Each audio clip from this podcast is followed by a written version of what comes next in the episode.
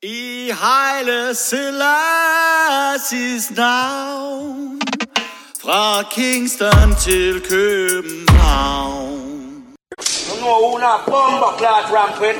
You know me? I am the original Dandana. You understand? Road boy, I know I ramp with bomber clot me. Come, come on. I murder people for fun. Murder on a bomber clot for fun. I told them he play the exclusive.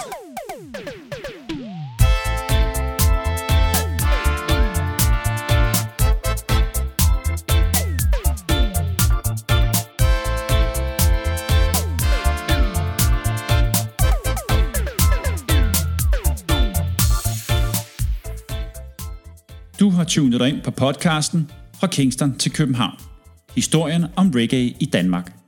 Podcasten, som går bag de personer, som har været med til og en del af at forme reggae i Danmark fra midten af 1970'erne og frem til i dag.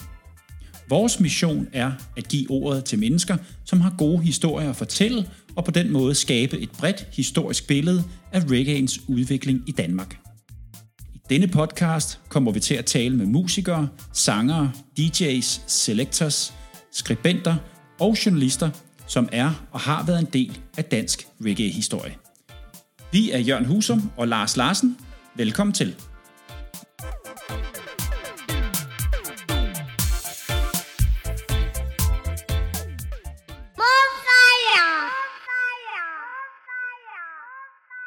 I dagens afsnit af Fra Kingston til København har vi jo besøg af Adil, og det er en mand, som øh, virkelig, virkelig har prøvet mange forskellige ting, og øh, forhåbentlig slet ikke er færdig med at, at prøve nogle ting af, Lars. Øh, Adil, musiker og manager og mange andre ting. og god ven af os begge to igennem mange år, og øh, en øh, kæmpe, øh, øh et kæmpe navn på den danske reggae-scene gennem de sidste øh, 30-35 år, har været involveret i rigtig mange ting, og arrangeret koncerter, og, og fået en masse ting til at ske, og produceret musik, og lavet bands, og, så en, en kæmpe del af den danske reggae-historie, og kæmpe fornøjelse at besøge Adil i dag. Og jeg synes, vi kom rigtig godt omkring øh, både hans, øh, øh, hans øh, liv, kan man sige, før han øh, blev engageret i sådan managementdelen og, og det hele, altså hans, øh, hans opvækst i musikken, hans opvækst i, i reggae, og helt frem til, til i dag, hvor han jo ja, altså der er jo ikke den, den øh, del inden for reggae, som han ikke har en finger i spillet med. Øh, øh, pladeproduktion, udgivelser og øh, foreninger og alt muligt. Det var enormt spændende at høre. Det var det. Altså, virkelig øh, en fornøjelse at høre her dit historie, og fornøjelse, han er så aktiv og øh, så engageret, og ja, virkelig fedt. En, en ting, jeg lige vil sige øh, her i introen også, er, at øh, her i det her afsnit navner, nævner vi en masse gadenavne og steder, og til alle jer, der lytter sådan rundt omkring i Danmark, altså jeg vil bare sige, alle de steder, vi nævner, er her i København, så I lige ved det. Nå, men det er mere, hvis folk lige sidder og tænker, Lygten, Nørrebro station, øh, øh, hvor er det nu henne og sådan noget. Så, så det er jo meget rart lige, så folk lige ved, at det er primært her i København, vi snakker om. Det er en god øh, bonusinfo, Lars. Det blev også et lidt langt afsnit. Øh, jeg tror, den blev en time og 50 minutter. Øh, jeg håber selvfølgelig, I vil øh, nyde det afsnit, som, øh, som vi er klar til her. Herfra skal der bare lyde øh, god lytning og rigtig, rigtig god fornøjelse. Big Up Massive and Crew. Her er det Jørgen Husum og Lars Larsen, der byder velkommen indenfor til det 16. afsnit af Fra Kingston til København.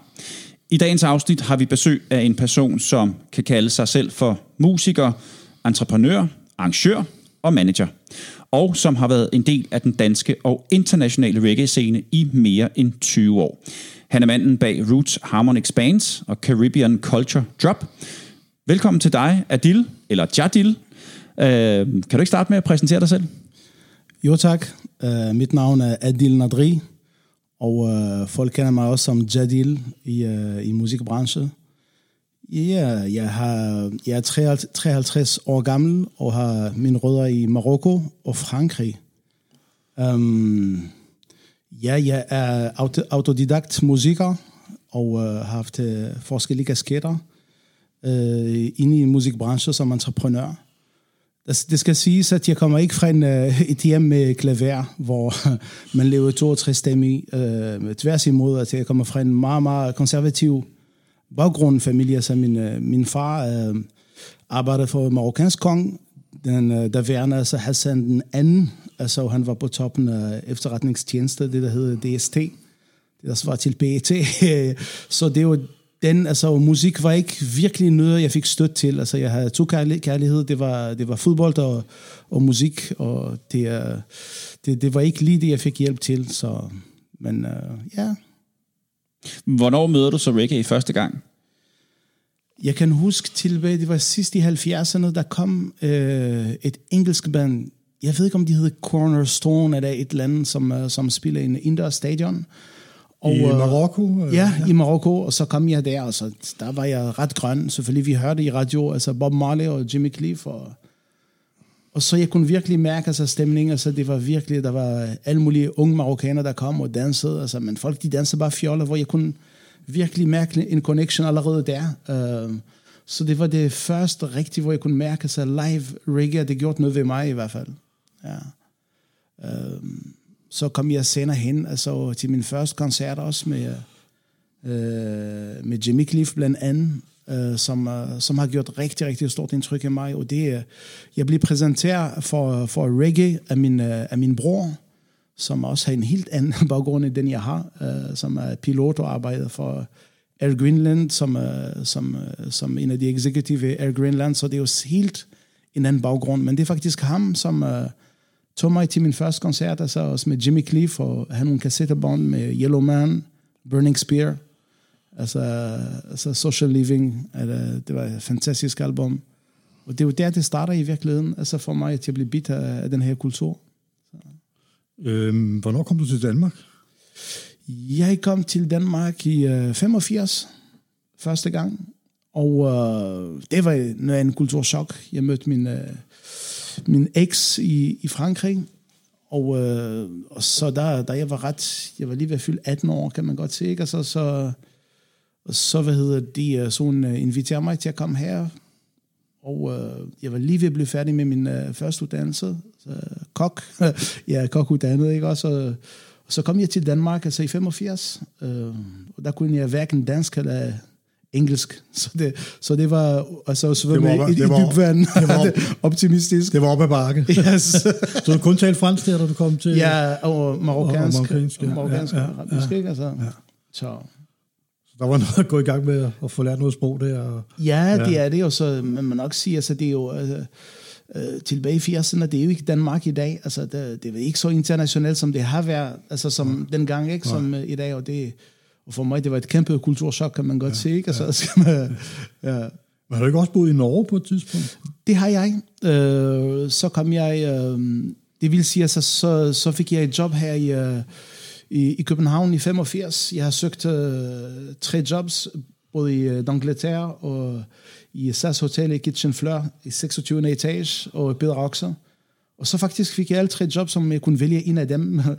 Så valgte jeg uh, øh, SAS Hotel, fordi uh, Per og Jesper var chef sin Negresco i Nice, og de snakker fransk, så det var mit valg. Altså, ja, det, det var det, jo, der gik måske to måneder, og der, altså, det var alt for hårdt for mig, både altså, sprog, kultur og og ung kok, altså, så tænkte jeg, shit mand, der, der må ja, det, være noget andet i livet for mig. Altså, det, det er hårdt arbejde at være kok, ikke? Der helt vildt. tone i sin køkken, ikke? Det er et livsstil, ja, altså, det er jo, ja. det er jo det, ikke, altså, det er jo det rigtige nok. Men jeg var, der, der gik op for mig, jeg kunne godt lide det, men der skulle ske noget andet. Så havde min bror, der, der boede i Norge faktisk, og gik på en højskole.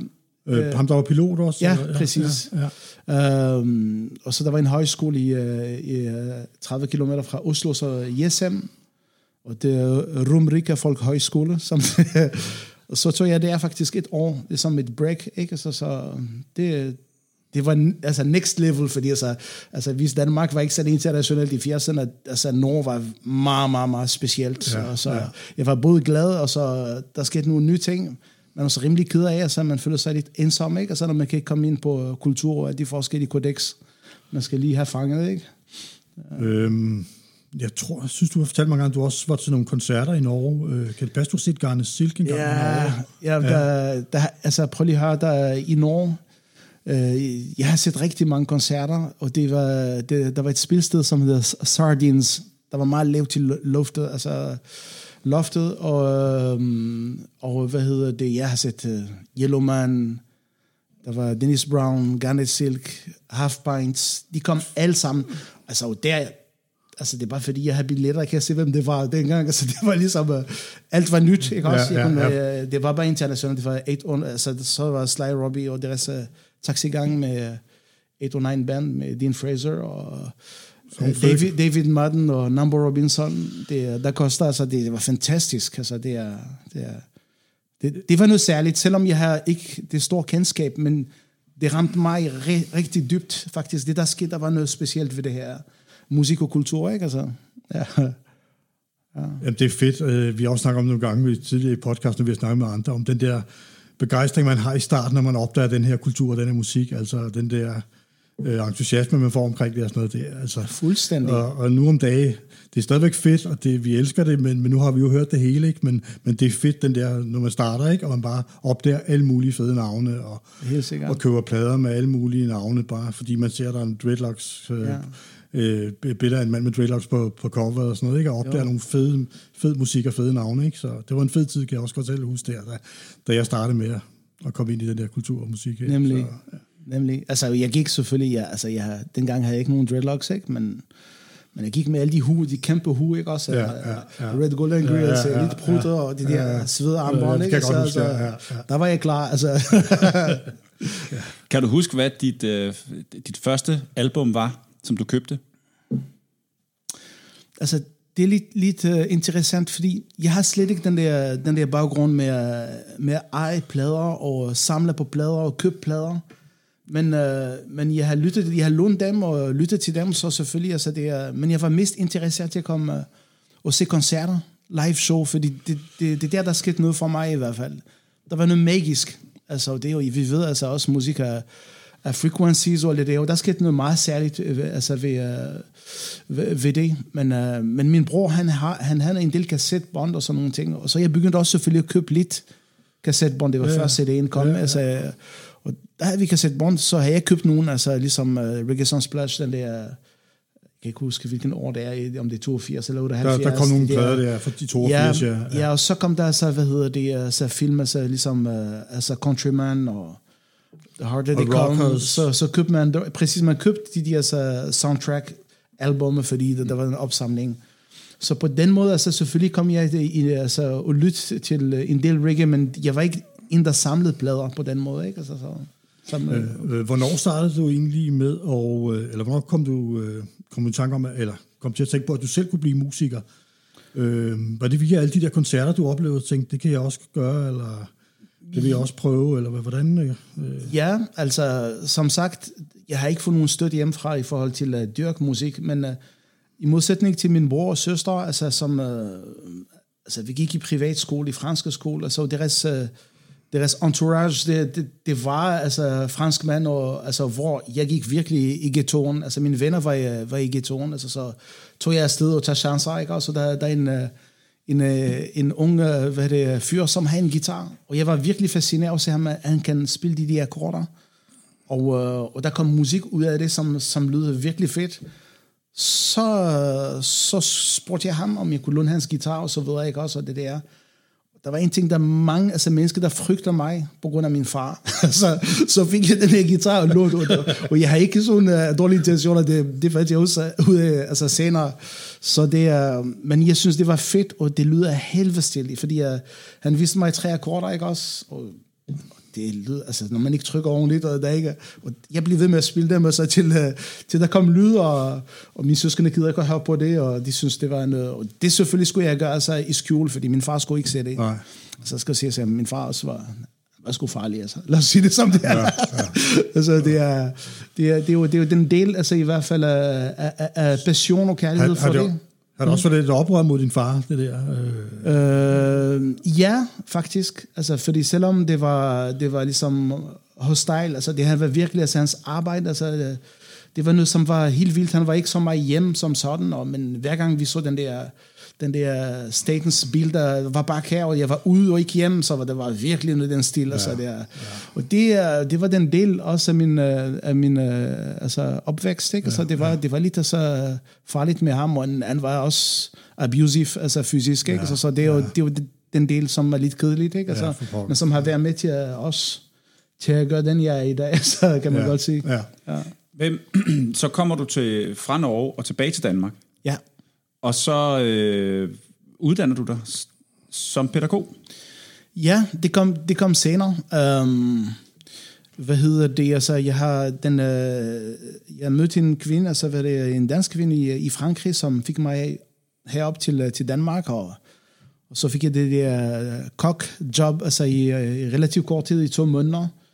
Og så, så starter hun, altså, hvad hedder det, på en, en højskole i Slagelse, og jeg var helt alene i København, og, og så øh, vi så hinanden kun øh, i weekenderne og sådan noget. Det er derfor, jeg valgte at tage til Norge. Men så øh, gik jeg i den der højskole, som, øh, som var fantastisk, og jeg var i idrætslinje, så kunne jeg spille fodbold, og alt det, jeg, jeg, jeg ønskede, hvad, hvad hedder jo dyrk. Um, øhm, men hun blev ved med at komme til mig, og fik mig tilbage til Danmark i, uh, i øh, uh, 86, slutningen af 86. Så har jeg været boende i Danmark siden der.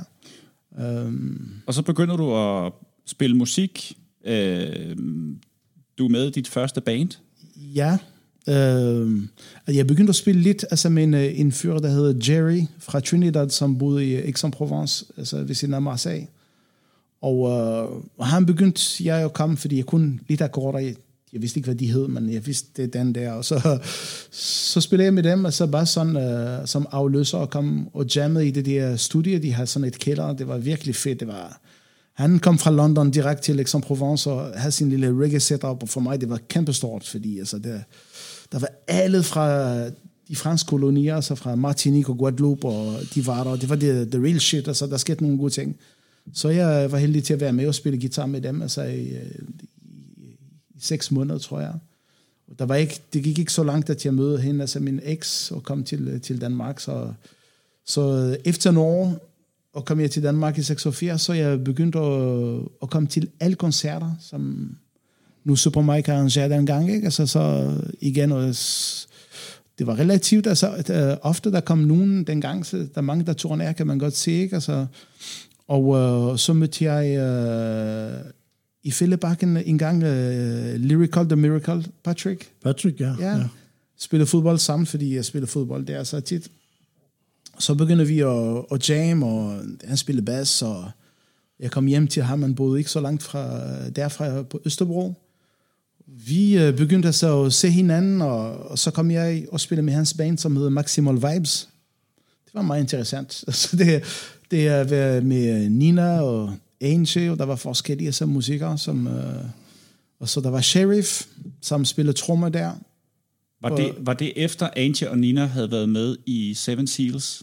Ja, Det det, var- det, det måtte være. Okay. Fordi jeg har set dem, inden jeg har lært dem at kende, altså i Carlton øh, med LKG, hvor de, øh, de lavede support for dem. Øh, så det var efter det, deres, deres band der. Um, Men det er det første band, du er med i her i Danmark, så er det det? Ja. ja med, Og- med, med Patrick og, og Sheriff. og Aibo, som, øh, som var hvad det, Angels Man dengang, um, som spillede Big Ocean. Det var, det var meget interessant. Jo, og Philip, der var, der var keyboardspiller. Philip K. Ja, Ja. han spillede keys. Og det, der var interessant, det var, at øh, jeg var mega grøn. Altså, for eksempel, altså, jeg vidste ikke, at øh, jeg spiller, jeg spiller, hvad det, på offbeat, og jeg troede, det var lige på slaget. Ikke? Ja. Men jeg har haft alle de formuler i mit hoved, i forhold til de der tromroller, om det har været Studio One eller Treasure Isle. Jeg vidste godt, hvor jeg skulle falde. Men jeg lægger mærke til, at Philip han kigger på mig sådan, og så han kunne godt sige, at jeg, jeg, har, ikke, jeg har ikke gået til rytmik altså i skolen og sådan noget. Altså, der var den der vibe, den fornemmelse, du ved ikke også. Og, og så jeg sagde, okay, alright. Men jeg var med, det var super fedt, fordi jeg, jeg vidste godt, at jeg skulle bare lave de der chops, og, og det var den første, hvad hedder det, rigtigt, altså sammensætning, altså med reggae her, med første band. Og så sender han, altså det, så gik bandet i, i opløsning, og og Sheriff ringede til mig en gang, øh, at han havde en, øh, et band, og de, han, de, ville, de manglede en guitarist, altså som, øh, som kunne øh, leve, hvad det er, rhythm, altså guitar og sådan noget, og øh, så jamen, det vil jeg gerne. Så kom jeg til en container på Nørrebro, og det var det, som hed dengang Scandic Lions. Eller hed det noget før? Nej, jeg Nej, jeg tror, det Lions. første navn var Scandic Lions, Lions, ja. og så blev det senere til Lions Alive og sådan noget. Men jeg Ja. tror, det første navn var Scandic Lions. Præcis. Ja. Men de, den samme, altså hvad hedder det, uh, sammensætning med rigtig mange musikere, og rigtig mange bassister. De her hedder så Scandic Lions, og, og Lions Alive, og Brick. Det er identitetskrise, ikke? Altså, det skal lige finde, hvad... Og det var meget interessant, fordi altså, det er jo, vi var der, og det, det synes jeg, det var det første, hvor virkelig, at uh, der var et projekt, hvor selvom vi var forskellige, og havde forskellige ambitioner, men, men vi ville noget seriøst med det. Men, det er- men, men det var jo faktisk Scandic, da, da du og jeg møder hinanden Mhm. mm-hmm.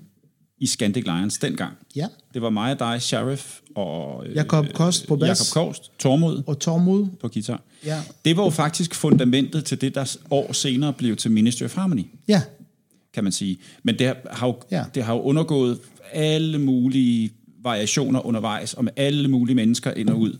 Men kernen, altså du og jeg, Tormod vel også, mm-hmm. er jo de gennemgående figurer. Ange. Angie, ja, hun kommer vel først senere i Ministry, gør hun ikke det? Øh, var hun ikke med i starten? Hende, og, og, og, og jamen, jamen, som jeg husker det, det var hende og, hende og Nina laver altså backing vocals for Sheriff, men sang nogen sang. Det er sådan, jeg husker det. Det, det, Øh, lyder det, men det rigtigt. kan godt være, jeg tager fejl, altså, men det, det, er, altså, det er ligesom, de har været i, i billedet i hvert fald hele tiden der. Hvor er, hvor er vi henne årsmæssigt?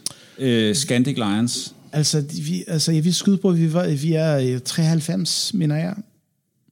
Uh, hvis jeg husker det rigtigt. Det var i 93, fordi jeg kan huske, at jeg, jeg var lige kommet i gang med min uh, pædagoguddannelse, og, og det, der var interessant, altså jeg boede i Hillerød, ikke også? Og uh, så tog jeg to, altså vi øh, øvede fast.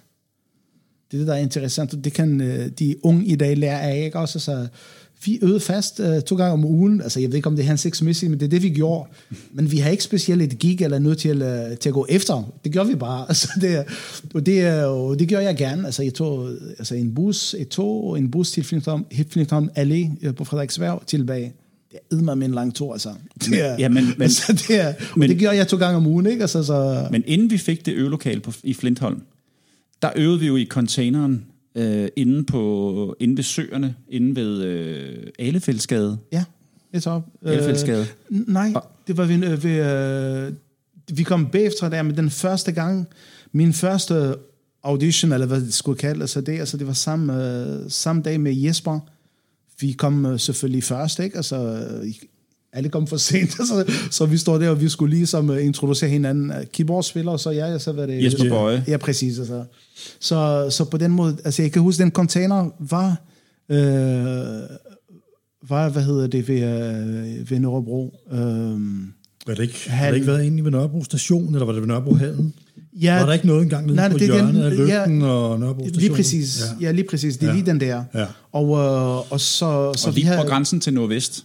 Den kan jeg godt huske, den lå ja, der. Ja, ja.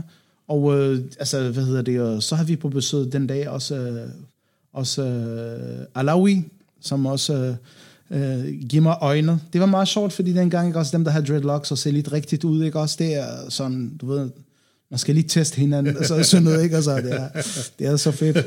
Men, øh, men det var det, og, og, så, og så for mig, altså, jeg var ligesom øh, med stjerner i øjnene, ikke også? Der, Nå, der er nogle danskere, der spiller reggae, og så, så nu, øh, nu skal vi spille musik sammen, ikke? Altså, og det var ja, fedt. ja, det var fedt. fedt, altså, Ja, ja. fordi der var en, alle var forskellige, og med forskellige ambitioner, men intentionen var god til at være seriøst omkring det, og det kunne jeg godt lide, altså. Ja, og Scandic Lions bliver så til Lions Alive øh, med nogenlunde samme besætning, og vi er, hvad hvad er vi der, midt 90'erne måske. Ja, Og så, øh, og så bliver det faktisk til Ministry of Harmony. Der sker jo desværre det, at Sheriff han dør. ja. Øh, og det gør han i mm, 96 måske. Kan det passe? Nej, det er meget senere. Okay. Øh, fordi øh, jeg husker, jeg, jeg var på vej til USA, til, øh, til Arizona, og jeg mødte ham i lufthavnen. Han kom fra Afrika. Det var sådan helt random, og det, det var...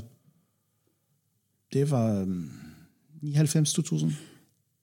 Det er rigtigt. Han stoppede faktisk med at spille musik, og så tog han tilbage til Tanzania. Ja.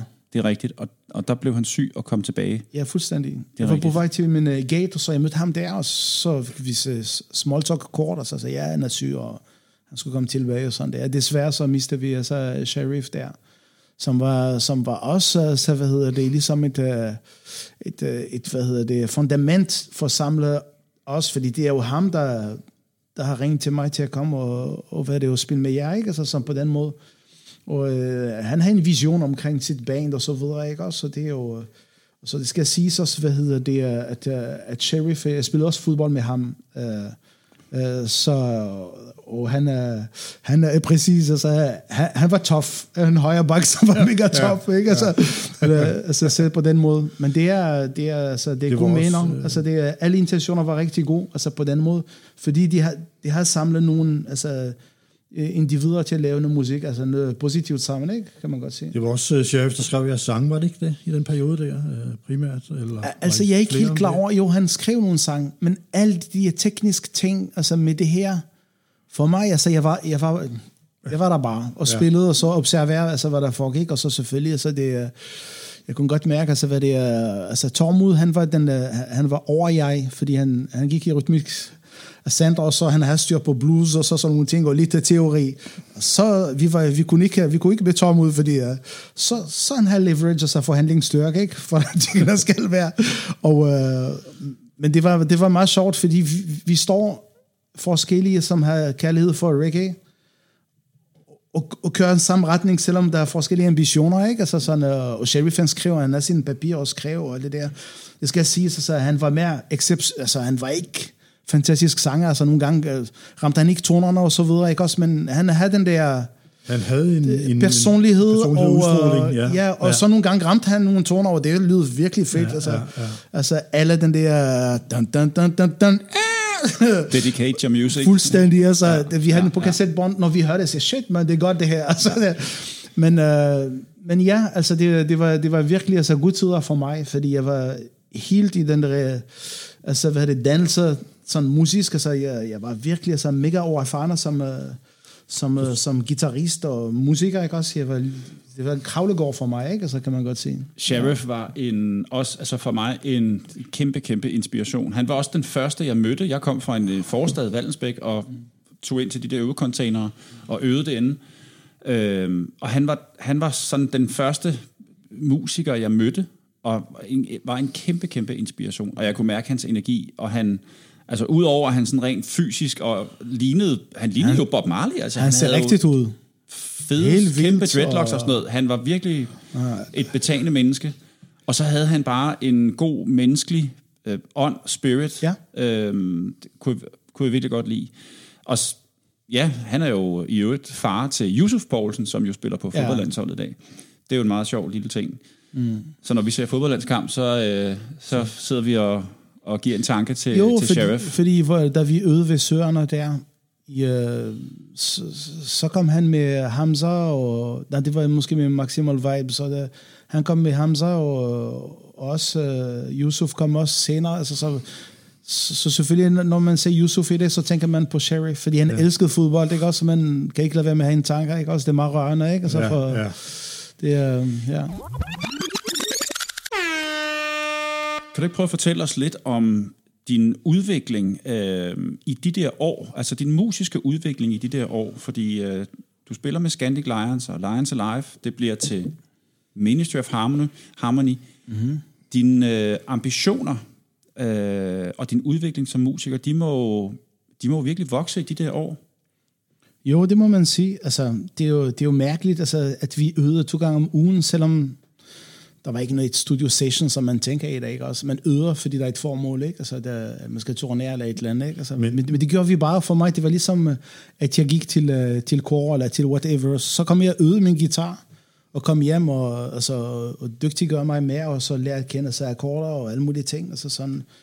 Så det, det har været sådan en proces længere nu, så jeg begyndte at få altså, kærlighed til at spille trommer, så begyndte jeg at spille lidt trommer her, altså på, på den uh, SFO, hvor jeg, hvor jeg arbejdede, ikke også? I, uh, så det var sådan, at jeg, at jeg, jeg øvede mig bare, altså i, Men- uh, i nogle år, ikke? Men hvor lang tid gik det, før I fik nogle, øh, nogle job der, da I startede i den der container med at øve to gange om ugen? Hvor lang tid, gik det, hvor lang tid gjorde I det, og indtil I kom ud og spille? Øh, Vi havde, øh, jeg kan huske, at vi havde et, øh, da vi var i containeren på Alefældsgade på Nørrebro, øh, Alefældsgade, den der lille gade, som ligger ved, øh, hvad pokker hedder den gade, der kører parallelt med, med søerne, Nansensgade, Ja. ja, der ligger Alefældsgade, og der havde vi øvecontainere. Der fik vi et job på et tidspunkt øh, i det forsamlingshus, som Det var før lå i... tid. Nej, det tror jeg faktisk ikke, det var. Jo, det er jeg ret sikker på. Nå, Jeg har ikke, altså, så har det ja, det har været lige så har det virkelig været tid. tidligt, at vi fik det job. Jeg kan ikke huske, hvordan Jo. jobbet gik, men der kan jeg huske, at vi havde et job med Sheriff og Tormod og Ja. alt sådan noget der. Ja, kan Altså det første altså, gig, vi, vi fik sammen, det var det, der, har, der hedder så, det hedder, det hedder Australian Bar Center. Det er nede i kælderen, du ved ikke også, den der ved siden af Krasnapolski. Så det er nede, hvor, Ja, ja, ja, hvor, ja, ja. hvor hvad hedder det, Pablo arbejder også. Jeg yes. tror, det er Pablo, der fik os til at, Ja, til at få det der show.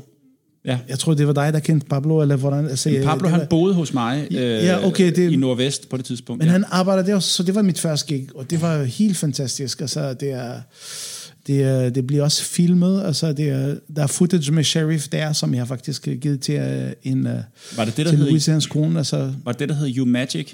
ja, men det hed noget andet, det, det er ligesom, jeg kan ikke, ikke komme på navn, men det hed lige noget andet end Okay. okay. Umatic. Altså, men anyways, det var virkelig altså, undergrund, og det er der, hvor No Name Requested, og alle kom, og jeg kom der bare sådan på, som en klub, ikke? Altså sådan noget. Det var fedt. Det var først rigtig sådan en koncert. For mig, det var en sindssyg oplevelse, ikke også? Fordi det er, der er lidt, altså hvad hedder det, wow. Nu skal vi vise, hvad vi kan. Vi har øvet rigtig mange måneder eller år, så det var det, var det første gik. Var nogle af de første, øh, nogle af de første job, var det ikke også oppe i Farum hos øh, KJ Selector? Han havde forbindelse til en klub deroppe. Øh, der mener jeg, at vi spillede. Ja. Øh, og vi spillede også et andet sted i Farum på en sådan ret populær natklub eller diskotek. Er der- det ma- Main Street, main, uh, main Str- Street eller Mainstream? Mainstream, ja. Ja, ja, præcis. Ja, mainstream. Og, ja. og, og jeg kan huske, til det job vil... Der har jeg ikke været med. Har du ikke været med? Nej. Nå. Jeg, jeg kan huske fra det job, det har så været Scandic Lions måske før, ja, det kan jeg sgu ikke huske, hvornår det var, men øh, vi skulle op og spille i, i, deroppe i Farum, og øh, det var dengang, der var noget, der hed Kanal 2. Mm. Øhm, og det var derigennem, vi havde fået det. Don't ask me why. Mm. Men Tormod, som jo på det tidspunkt for mig også stod som en fantastisk, mm. og det er han jo stadigvæk, en fantastisk dygtig musiker, mm. øhm, han kunne ikke være med til det job, fordi han skulle på et eller andet i Sverige. Mm. Og jeg ville have, at han skulle være med på det job. Altså, jeg ville Ja. ikke gennemføre det job uden ham, fordi Ja. han, jeg, han var så vigtig. Så jeg prøvede at arrangere, at han kunne blive hentet i helikopter Seriøst? fra Sverige og blive fløjet Åh, oh, til. Altså, det var, det var sgu mit... Øh, ja, det det, var min løsning på det. det var... Hvad så? Lykkedes det? Eller? Nej, det gjorde det ikke. Uh, Det gjorde, men jeg ville så gerne have med, ja. at, øh, when there is a will, there is a way. altså, det at jeg prøvede det. Ikke? Det er fedt. Ja. ja.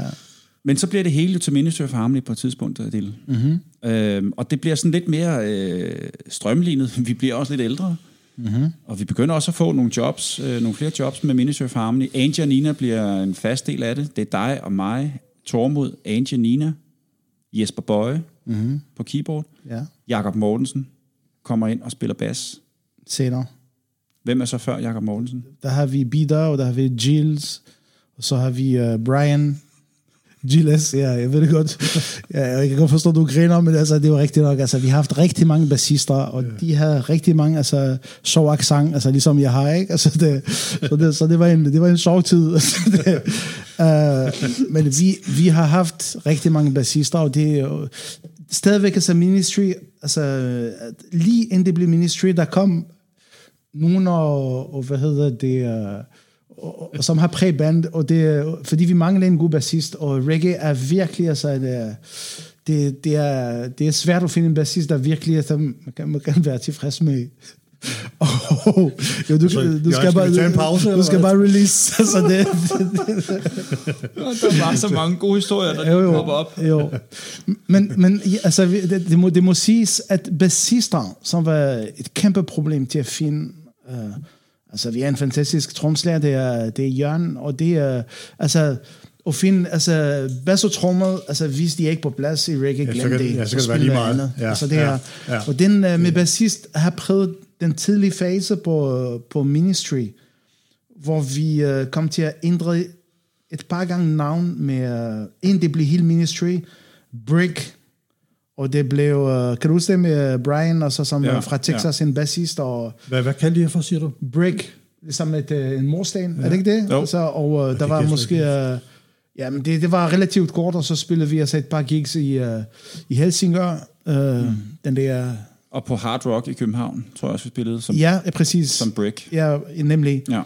Og så, og så stopper det, så, så Brian stopper, og, og, øh, og så, det skal siges også, vi mangler også en keyboardspiller, der kan, der kan holde den der offbeat, altså, fordi det, det er fantastisk, altså, altså reggae er en meget svær stil art at spille, altså, det, er, jo- det er ligegyldigt, om du er uddannet på kons, når du skal stakere, altså på offbeat, og lave sådan, uh, altså, sådan nogle phrase og, og riffs, der, der er der, hvor der er trioler, og der er synkoper og sådan nogle ting, så det er ligesom, du har brækket begge arme, altså det har jeg prøvet så, i auditions, hvor folk siger, shit, man, det er det, man skal, ja, det er det, man skal.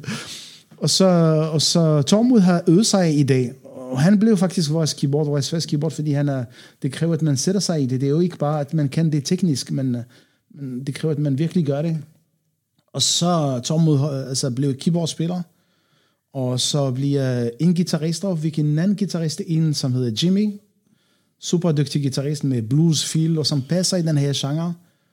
Og så fik vi uh, en bassist, uh, Jakob Mortensen, uh, og det, er, det begyndte i 97, som han med den første år, vi har i Summer Jam alle sammen.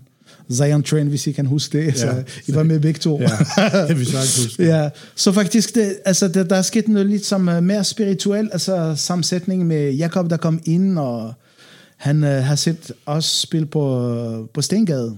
Det var ligesom det fire, sidste job, vi havde med Bider, som skulle tilbage til Brasilien. Og, og kort, altså Bider var en super dygtig bassist. Han er fantastisk, hans øh, er sådan fra den, uh, altså hvad er det, den øh, uh, afrikanske, brasilianske, hvad er det, uh, community i Brasilien. Hans far faktisk er leder for, for, den, for den afrikanske brasilianske community og, og kommer fra en meget musisk familie. Uh, han spiller meget kort og rejser tilbage, så, så Jakob Mortensen kom og så var også spille på Stengade. Og det, jeg ved ikke, hvem har connection til ham, det kan jeg simpelthen ikke huske. Jimmy. Jimmy, okay, på den måde, ja. Ja. Og så, vi meget, så det, jo, det var lige til højre bane, ikke? Altså, så, så blev han vores bassist. Øh, og det blev sammensætning. Nina stoppede lige på det tidspunkt også. Øh, lige på samme tid, så der med Bitter. Og så blev jeg forsanger med Angel. Og det var den der, der, der was the setup. Det var Jørgen, Jakob, Tormod på keys, Jimmy på guitar, mig på guitar, Angel på kor og percussion. Øh, var det ikke det? Inden vi fik blæser senere, ikke? Så. Ja, og Jakob på bas. Og det, det var den konstellation, vi så spillede med i de efterfølgende år, og, og udviklede meget på, de, på det der koncept, vi havde. Det er rigtigt. Ja, det var, ja. Så det var, det var det Ministry of Harmony. Jeg kan ikke huske, om vi hed noget andet. Øh, Brick. Og så, hed det, så var der også nogle andre forslag, inden det blev til Ministry of Er der ikke sådan noget uh, Science Street, eller et eller andet med Street, eller et eller andet? Det kan sgu godt være. Kan du huske det, Lars? Eller hed I bare Ministry? Og så kom Of Harmony til senere, eller er det sådan? Ja. Nej, Jeg jeg, nej, ikke- det, tiden Ministry of nej, Harmony. jeg tror bare, at, at øh, nej, jeg tror, vi hed Ministry of Harmony, og så kalder man det bare Ministry. Ja, okay. Ja. Jeg tror, det er den vej rundt.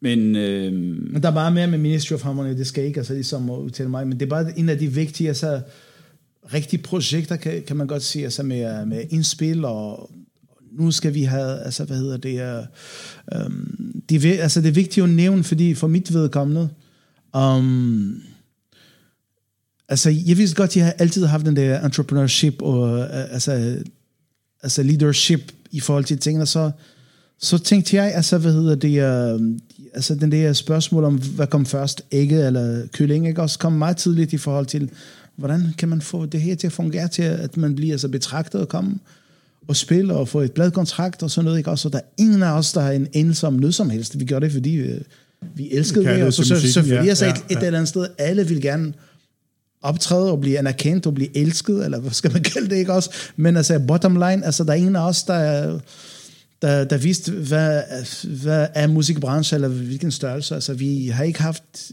de der, som, uh, som Bass and Trouble, og som var inside med musikbranche, og vidste, hvad, hvad der skulle til. Der er ingen af os, der...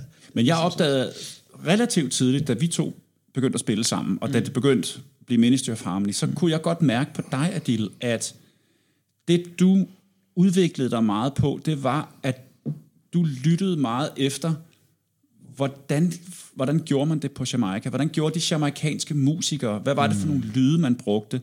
Du var også den, der, introdu- der introducerede øh, Korg M1, altså mm. keyboardet, for at få den der lyd på klaveret, som, mm. som du kunne høre, man brugte på Jamaica. Ja. Øhm, så for mig har du jo altid haft nogle fantastiske ører og en evne til at lytte af. Ja. Hvordan, hvordan gør de andre steder, mens måske øh, andre i bandet, de var sådan, de var, mm. Jamen de kunne, de kunne reggae til ABC, og så spillede man det, øh, som man havde, øh, som man selv synes.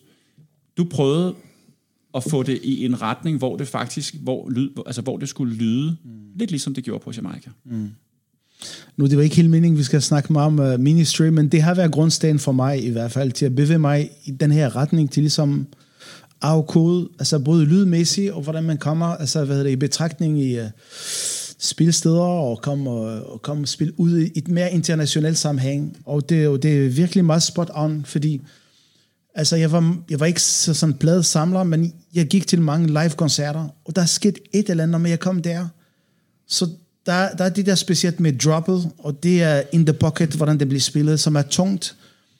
Og der er det der, altså, hvad hedder det, altså, altså hvad det er bang, som er det med klaver og med guitar.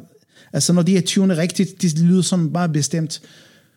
Og jeg siger, hvorfor fanden alle de der mennesker, og også når vi spiller, hvorfor lyder det ikke sådan? Hvad er det, der gør det? Altså, at, det, at det lyder så fedt, at vi er ikke i stand til at gøre det. Altså, og det er jo derfor, jeg simpelthen er, er fordybet mig, og, og er begyndt at opsøge forskellige musikker, og ligesom spørge ind, fordi det, altså, det er jo det, det, er det eneste vej frem, altså for mig ligesom at være nysgerrig på, hvad det gjorde det. Og så senere hen, altså jeg har, øh, vi fik lov til at varme op for, for Culture i øh, Pumpehuset. Bombehuset i 96, mener jeg det var. Ja, Det var den første, altså, hvad hedder det, øh, koncert, hvor vi, vi varmer op for international ting. Det var, så selvfølgelig, man skulle forhandle med Super Mike, og det er ikke for børn, sådan er det. Men vi fik lov til det, altså det er, men allerede der, altså det er jo simpelthen, altså, så har jeg mine antenner frem og kigger og observerer og være der, og, og der er sådan en musiker, en guitarist, som var super flink, øh, som viser sig, fordi altså Joseph Hill havde altså samlet sit band fra USA og fra og fra, de var flest fra Virgin Island, eller sådan afroamerikanere, som har baggrund i Caribbean, ikke? Altså, og, det, um, og der var, der var tromslærer, som var, som var lederen uh, af bandet, uh, Dean Pond, som er en fantastisk uh, lydtekniker og producer. Han er lydtekniker for, for Shaggy og Third World. Han er helt vild. Altså, den, dengang kan jeg jeg vidste ikke, det var ham. Altså, men, øh, og så der var Swan, ham guitarist, som jeg begy, altså begynder at små... Altså, vi var bare glade. Og jeg- forskellen mellem måske altså, jer og mig, at jeg, jeg var ligesom i en mission, og den mission, jeg vidste godt, at jeg, hvis jeg skal gå ind på det her, det er ligesom at knække koden, så jeg er nødt til at komme tæt. Altså, og så kontaktede jeg med ham, Swan, han var virkelig sympatisk fra St. Croix, altså Virgin Island. Øhm, og, og så, så begyndte jeg at spørge ham altså, om forskellige ting, om at vi er i gang med at indspille en plade, om han har lyst til at hjælpe os til at indspille plade og sådan noget. Så jo, kontakt mig og sådan noget. Så fik jeg hans nummer.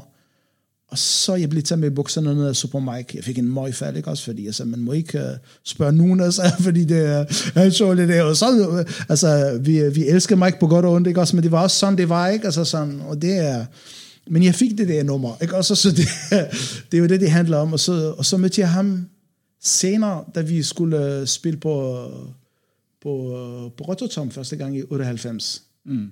Den lille kassevogn, vi kørte helt fra Danmark til, øh, til Italien. Altså, og, øh, og så, jeg havde sådan rimelig altså, god hu- hukommelse, ikke også? Og Det, og jeg kunne godt se ham backstage der.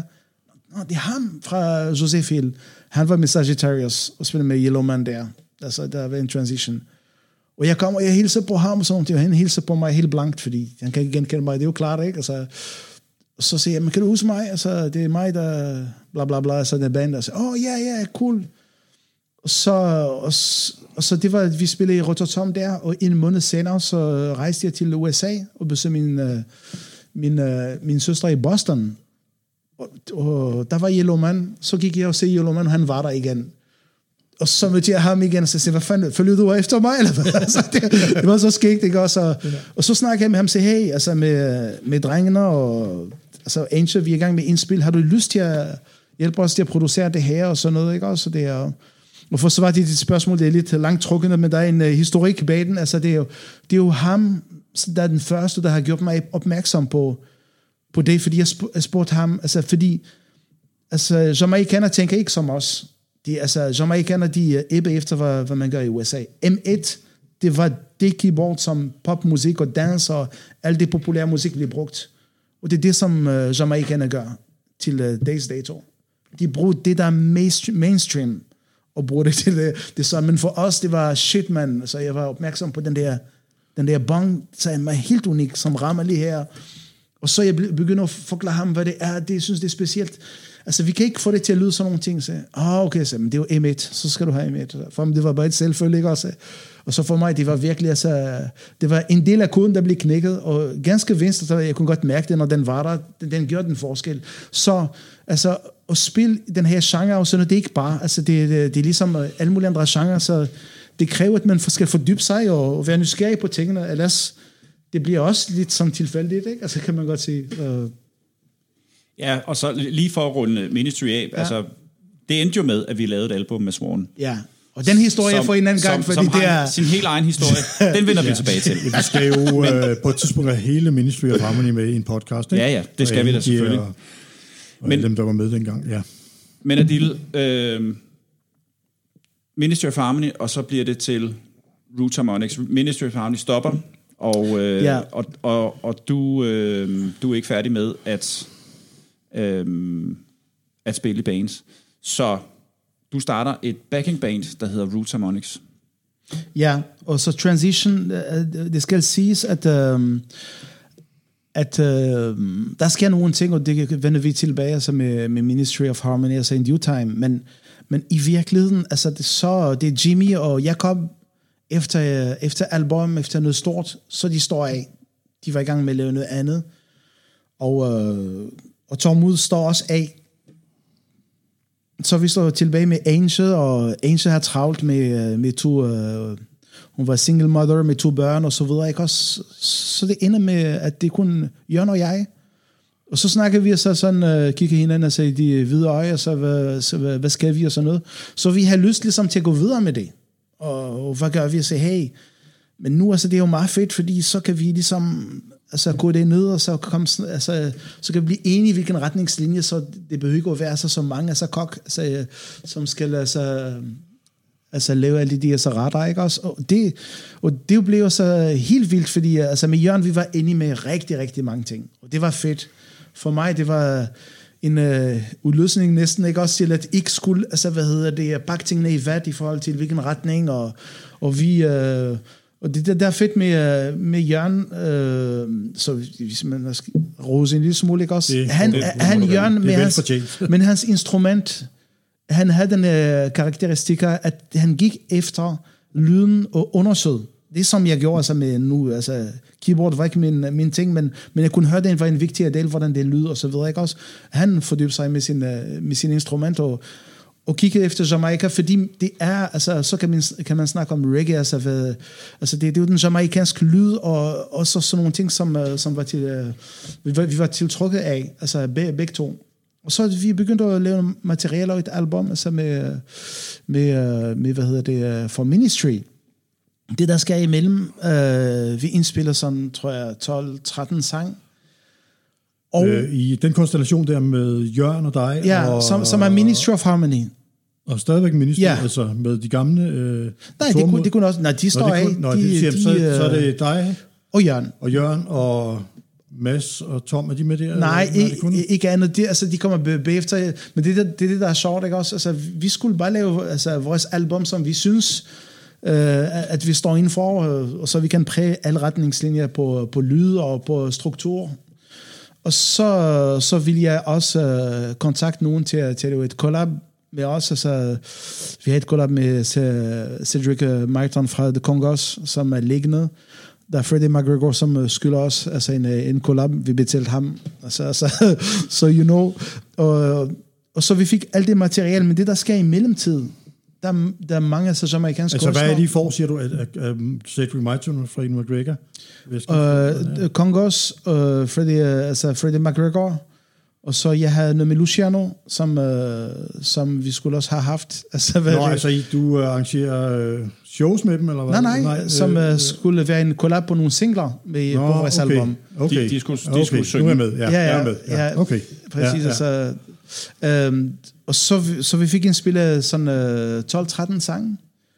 Men så det, der er sket, der er mange amerikanske kunstnere, der er kommet til Europa uden band, fordi de har ikke øh, budget til, øh, til at have et band fra Jamaica eller USA. Og, øh, og så siger jeg til Jørgen, prøv lige her, lad os begynde at sammensætte os et band, altså, som vi synes, det skal lyde, og ligesom som amerikanske band, fordi vi var meget sådan, øh, altså, fascineret den måde, de spiller på. Altså, det, øh, det skal siges, at der er mange, der, der er skolet, der kommer fra musikskolen, men de har den der kultur i forhold til, øh, hvordan de nu spiller, og deres udtryk på det. Altså, det, er, det kan godt lyde meget nørdet, ikke også? Men det, Men jeg vil lige sk- indskyde, at mm-hmm. da vi to laver det der album, Ja. som faktisk stadigvæk ligger og venter på at komme ud, det mm-hmm. synes jeg, det skal, der kalder vi det Root Harmonics på det tidspunkt. ja.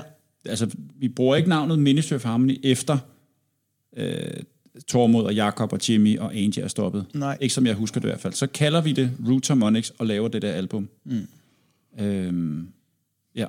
Og, og det, øh, hvad hedder det, øh, ja, så det blev bander, og, og, og så fik jeg, øh, altså fik jeg øje på, øh, på jamaikansk jamaikanske kunstnere, er at bruge altså europæisk band, og så, så sagde jeg, hey, skal vi ikke øh, gå den vej, og Jørgen han var med på det, ikke også, og så skulle vi have nogle musikere det, til, øh, til audition på, på musikere, og det er jo der, øh, vi skulle i jagt efter de bedste, der var på markedet, og så, så en af dem, øh, det var, det var Mads, og, og grund af, at øh, Mads Krabber blev valgt, fordi han spillede med fem strang bas. Ja, det er spændende. Det er jo, det er jo der, altså, det er, altså vi kunne ikke vælge mellem mange ting, ikke også? Og, og det var sådan moderne dengang, fordi uh, produktionerne blev brugt med den der hår, den der dyb, altså hvad det er strang, ikke også? Og det, det er ligesom det, er den stil, vi ville have, den moderne altså stil, og, og så, så Mads var, var det en, og, og så vi skulle finde en keyboardspiller, og det er der, hvor vi uh, hijackede uh, Tom. Vi, uh, vi, skulle, uh, vi skulle se ham spille en, uh, ja. et band, It- Ital Vibes, de Vi var hedder. ude og se ham spille med Ital Vibes med øh, Lars... Ja. Hvad, Lars Søgaard, eller Ja. Red Rebel, eller hvad han hedder. Og uh, Willy på bas. Ja, ikke det? jo, og... Og Jens på trommer. og Jens på trommer, ja. Altså, det er, det er jo der. Og så for mit vedkommende, det var det er ligesom, at uh, altså, så what's not to like, fordi han kan godt bong og lave phrase, ikke? Altså på, på det niveau, hvor han gjorde det, det var man godt nok for os. Altså, det er jo... Ja. Og det var konstellation, og vi, vi mødes og begyndte at spille sammen, ikke? Om lidt, så skal vi snakke meget mere om, øh, om øh, Root Harmonics, eller din øh, udvikling i forbindelse med Root Harmonics, og, øh, og lidt fremad selvfølgelig. Mm. Men nu synes jeg faktisk, vi skal høre noget musik. Mm. Øh, du har taget nogle numre med i dag, som øh, betyder ekstra meget for dig. Øh, det første mm. nummer, det er med Nacio Fontaine. Det nummer, der hedder Apple. Hvorfor skal vi høre det? Ja, altså, Nazio Fontaine har virkelig et uh, specielt, altså hvad hedder det, uh, det, det er en, en kunstner, som jeg rater rigtig, rigtig meget. Og som jeg har, øhm, jeg jeg hørt ham første gang i uh, 98. Det er på faktisk, Angels øh, uh, X-Man, som, øh, som har en CD med den, med, med ham. Uh, og, uh, og der var jeg fuldstændig blæst, fordi jeg sagde, wow, Altså, jeg er til roots. Jeg elsker dancehall og alt det der, men, men jeg er sådan en, hu- altså en roots hoved, kan man godt se, ikke? Altså, og Nazio har simpelthen shit, man. Altså, det er jo, de vibrationer var helt hej hej, altså der. Og det er jo begyndt at følge ham hele tiden, og, øh, og jeg øhm, i, 97, øh, i, øh, nej, i 2007, øh, på en turné med Tanya Stevens, han var main act i alle festival, altså Summer Jam, Rototom og name them. Og øh, og jeg var sammen med et lille barn, fordi vi, han skulle spille samme dag som os, og så videre, og så kommer jeg der, og så hele turen er aflyst. Um, og det var for mig, jeg var fuldstændig heartbroken, og jeg fandt ud af senere, at han blev forgiftet, og det sådan en meget grimt historie og sådan noget, ikke også? Men øh, han er virkelig, altså for mig, han er lige så meget powerful som, som Bob Marley. Altså, jeg har besøgt ham tre gange i, øh, i Dominica, blandt andet, fordi jeg har haft kæmpe store shows øh, tilbud i Afrika. Altså uden kæmpe label, og han har været independent. Han fyldte stadion i, uh, i Sierra Leone. Han, han måtte komme ud med helikopter, for han kunne, han kunne ikke komme ud for, på grund af publikum. Altså det, det er så kæmpe han er, uden uh, stor infrastruktur og label bag ham. Ikke også? Men jeg synes, han er helt fantastisk. Altså, så, ja. Skal vi ikke høre det nummer? Yes. Det er med Nasio Fontaine, Apple.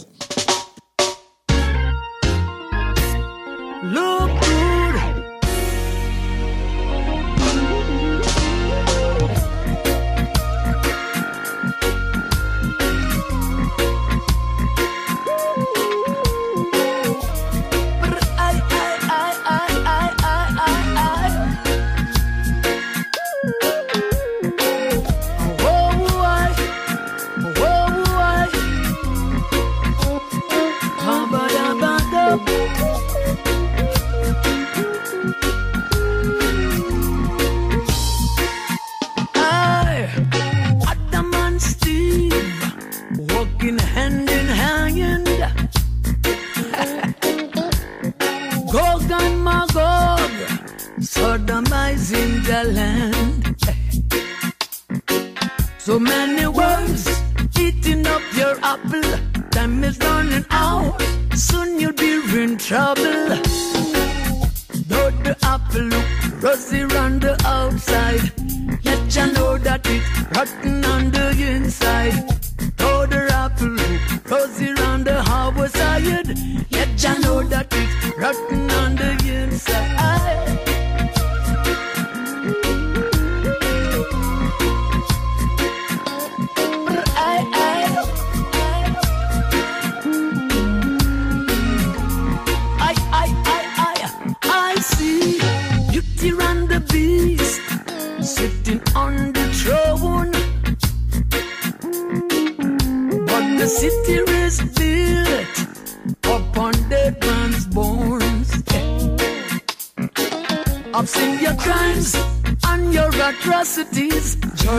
is now.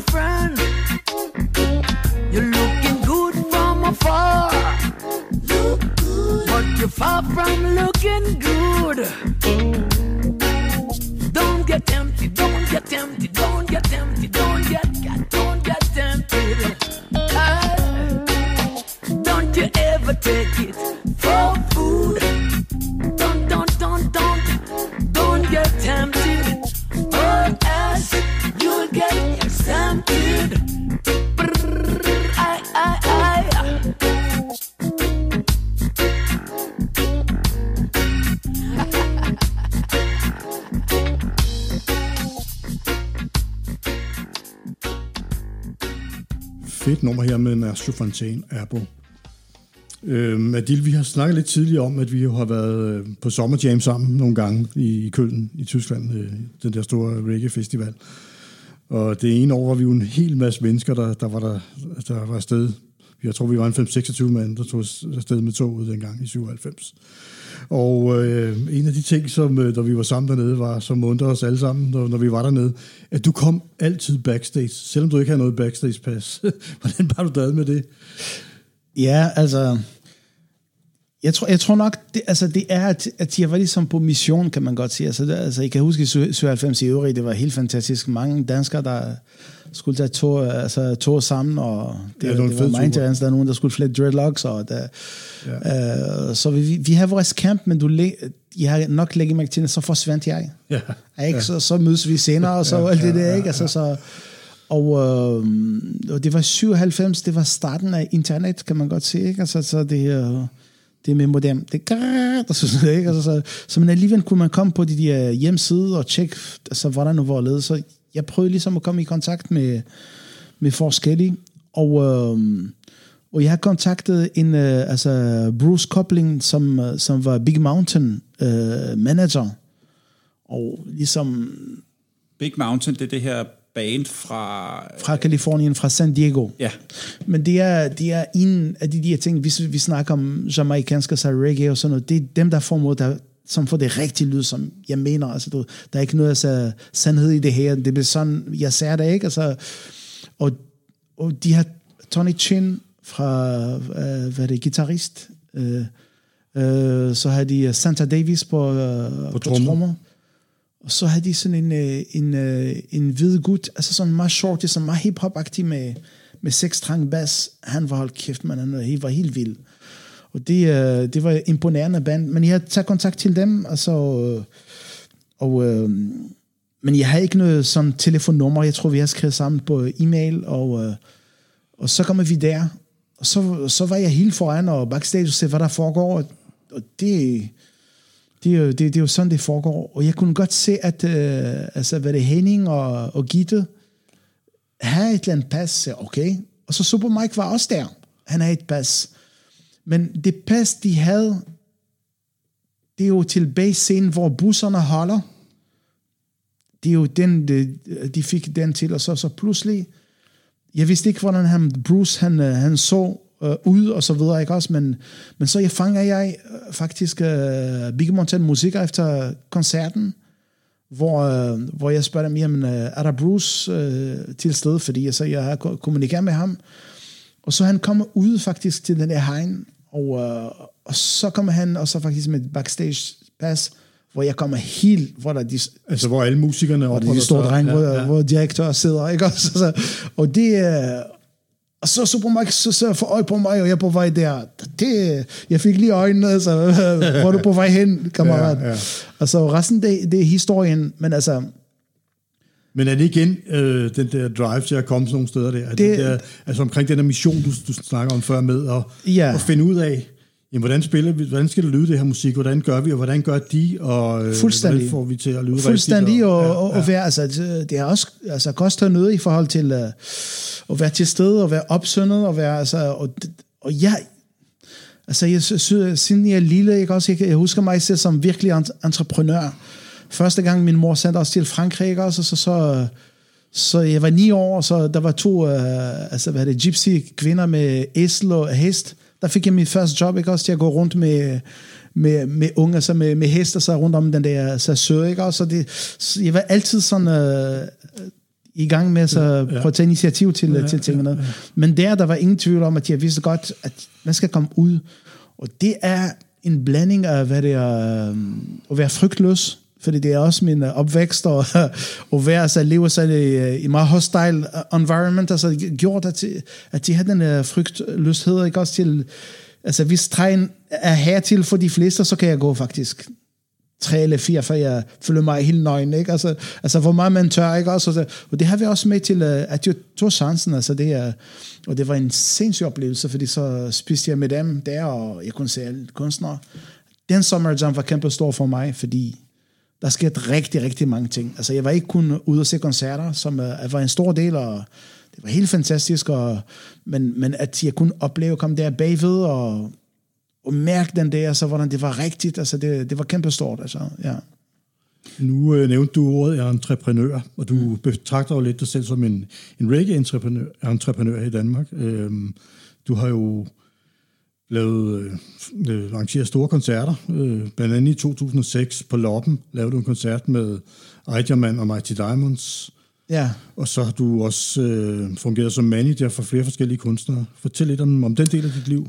Jamen, altså, jeg har fået smag altså, for det her, kan man godt se, ikke? Altså, og, øhm, med, med at organisere tingene, og, øh, og være promotor, har været også en del af det, men den der Øh, management del af det, det var noget, som jeg synes var virkelig noget, jeg brændte for, og, øh, og jeg gik den vej, både med at fungere lidt som øh, manager for, for de konstellationer, jeg var med, og begyndte at lave management for kunstnere, Øh, jeg, jeg har lavet management blandt for Kelly P til at starte med, og, og jeg har lavet management for Wafande øh, i to år, og øh, blandt andet, så jeg har været initiativtager til at ændre hans navn. Han, hans navn var Fantabis i mange år.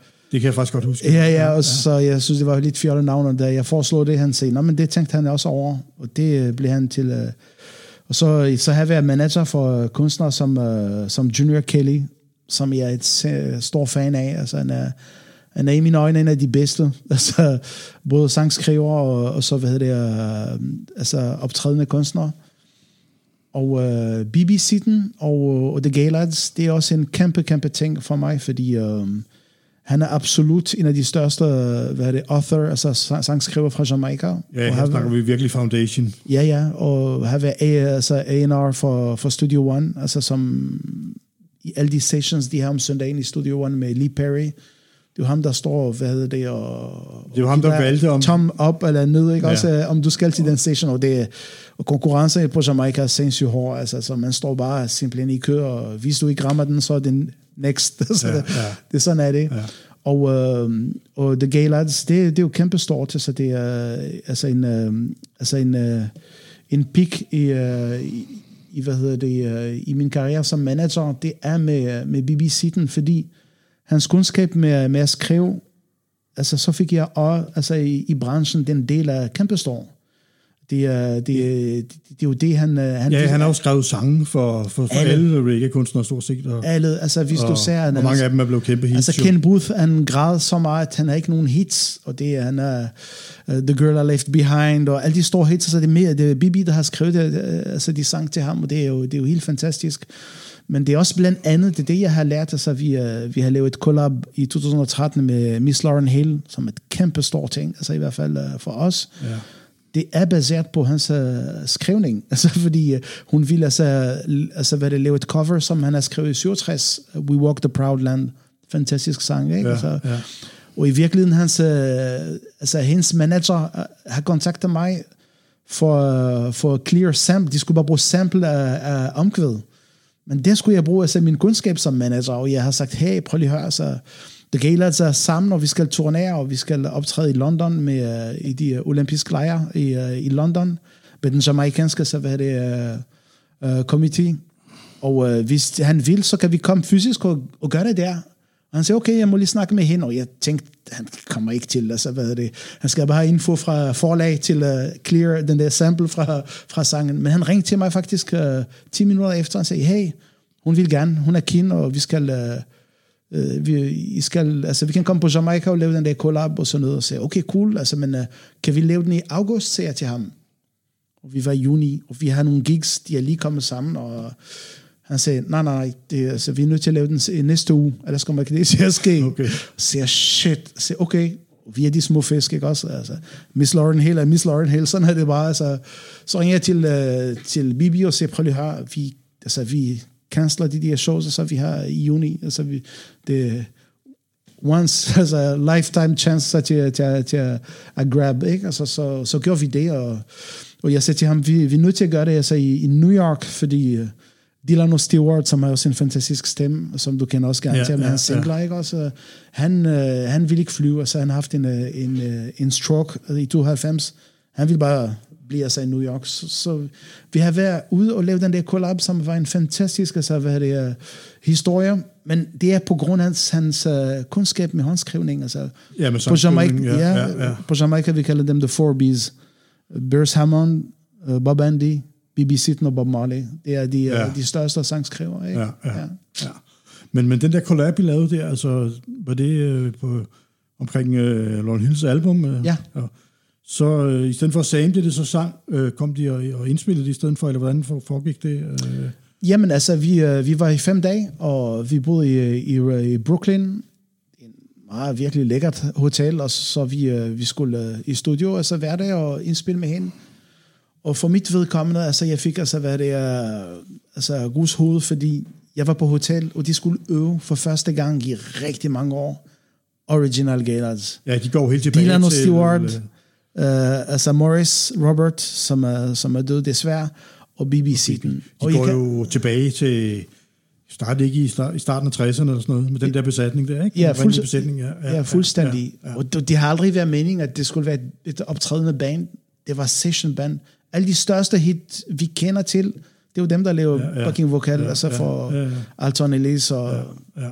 Wailers, og, og så kaldte dem, altså de, og så, så Bibi var også uh, Coxon Dodds protégé. Ja. Det er jo derfor, det er ham, han, han styrer studioen fuldstændig, Ja, ja, ja, ja, og der, de kom på en konflikt med, med Lee Perry, så Lee Perry blev fyret faktisk, så det er, ja, ja. fordi han var sådan så tæt på uh, Coxon Dodd.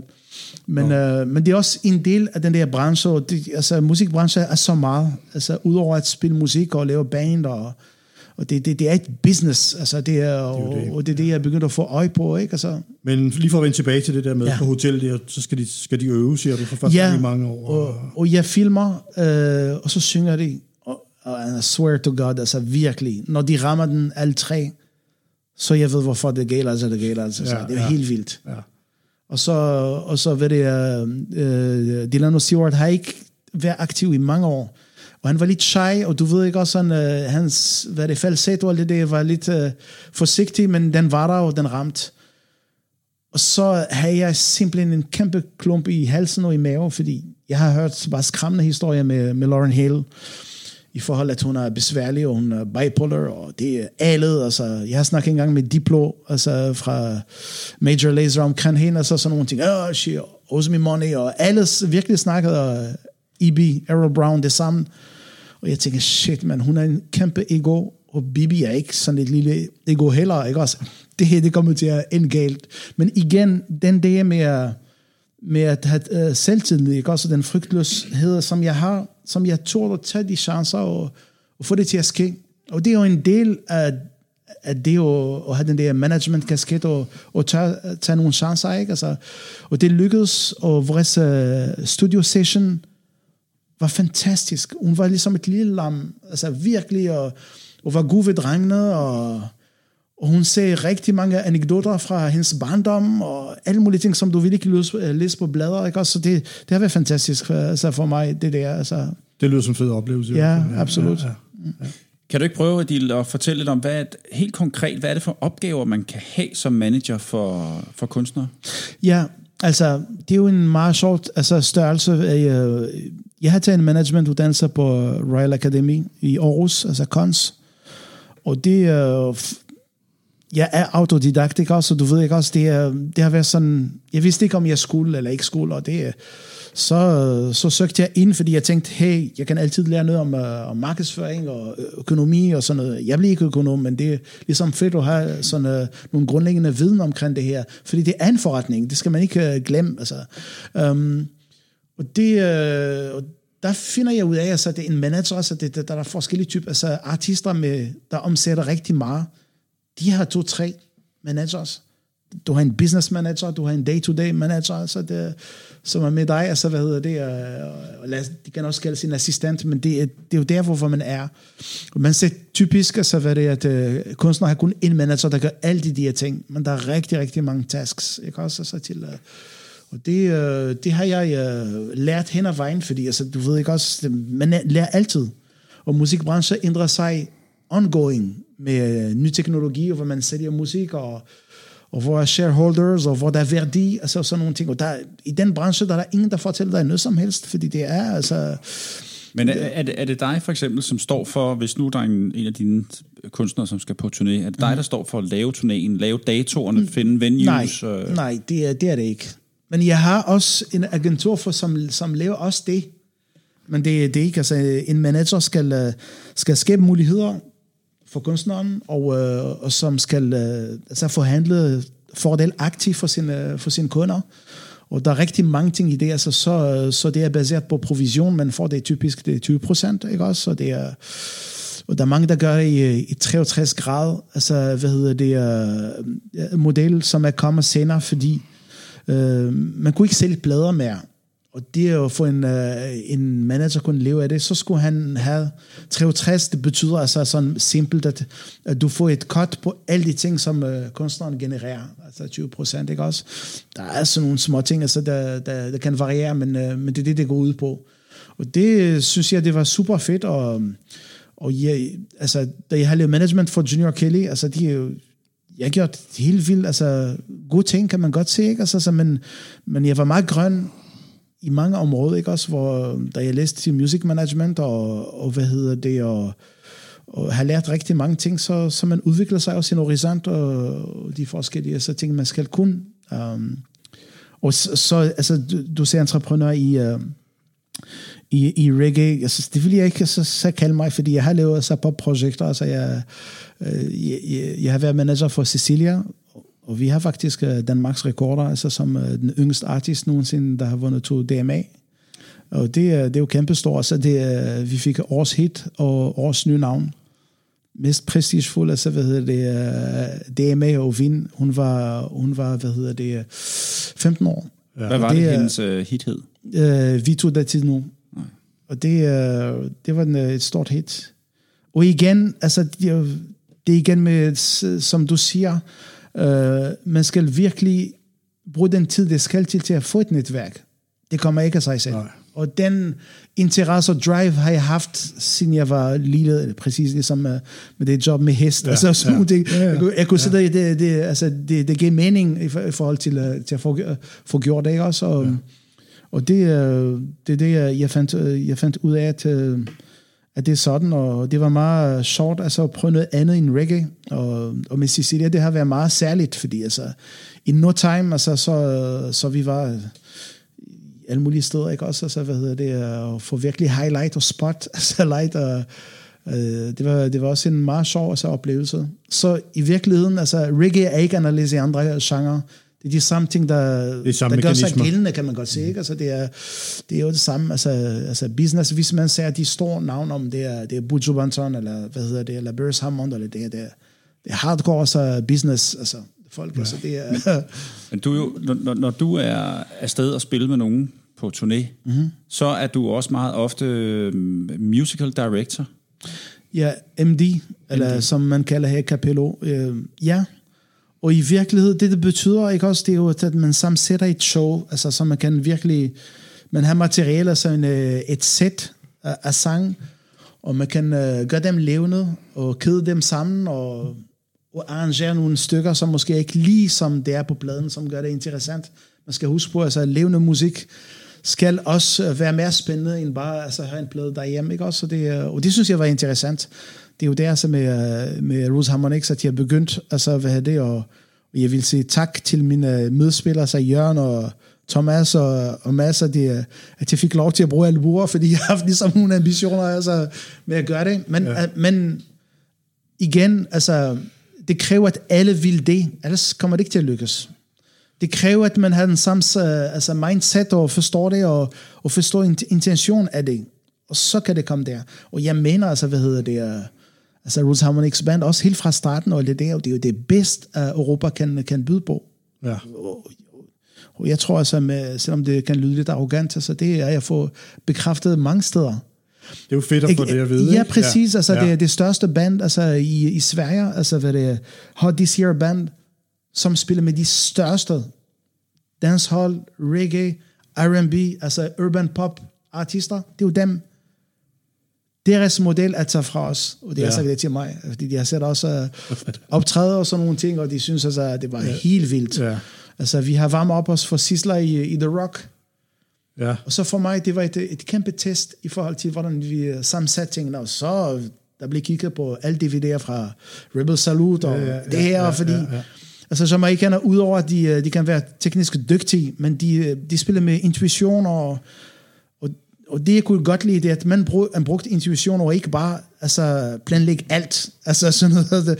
Og det synes jeg var interessant. Og da vi var op for Sisler, vi, de kom ind lige, da vi startede vores intro på 16 minutter, ja, altså det var, var helt overdrevet. Men det er jo fedt, fordi altså, der var også et tema, vi skulle starte uh, tidligt, og så udvikle med mere moderne, og endelig med sådan noget hip-hop, eller whatever, ikke? Altså ja. Dr. Dre og sådan noget. Ja. Og da vi spillede, og så jeg står og kigger på dem, de står på første sal, det er backstage, ikke? Altså, altså Sisters Band og... Ja, præcis. Og så siger jeg George, så siger jeg George, altså kom og kigger sådan første gang, kom han tilbage. Så kommer han anden gang og tredje og siger, okay, det er godt. Ja, det er godt. Fordi ja. en ting, du skal være sikker på, altså hvad det er.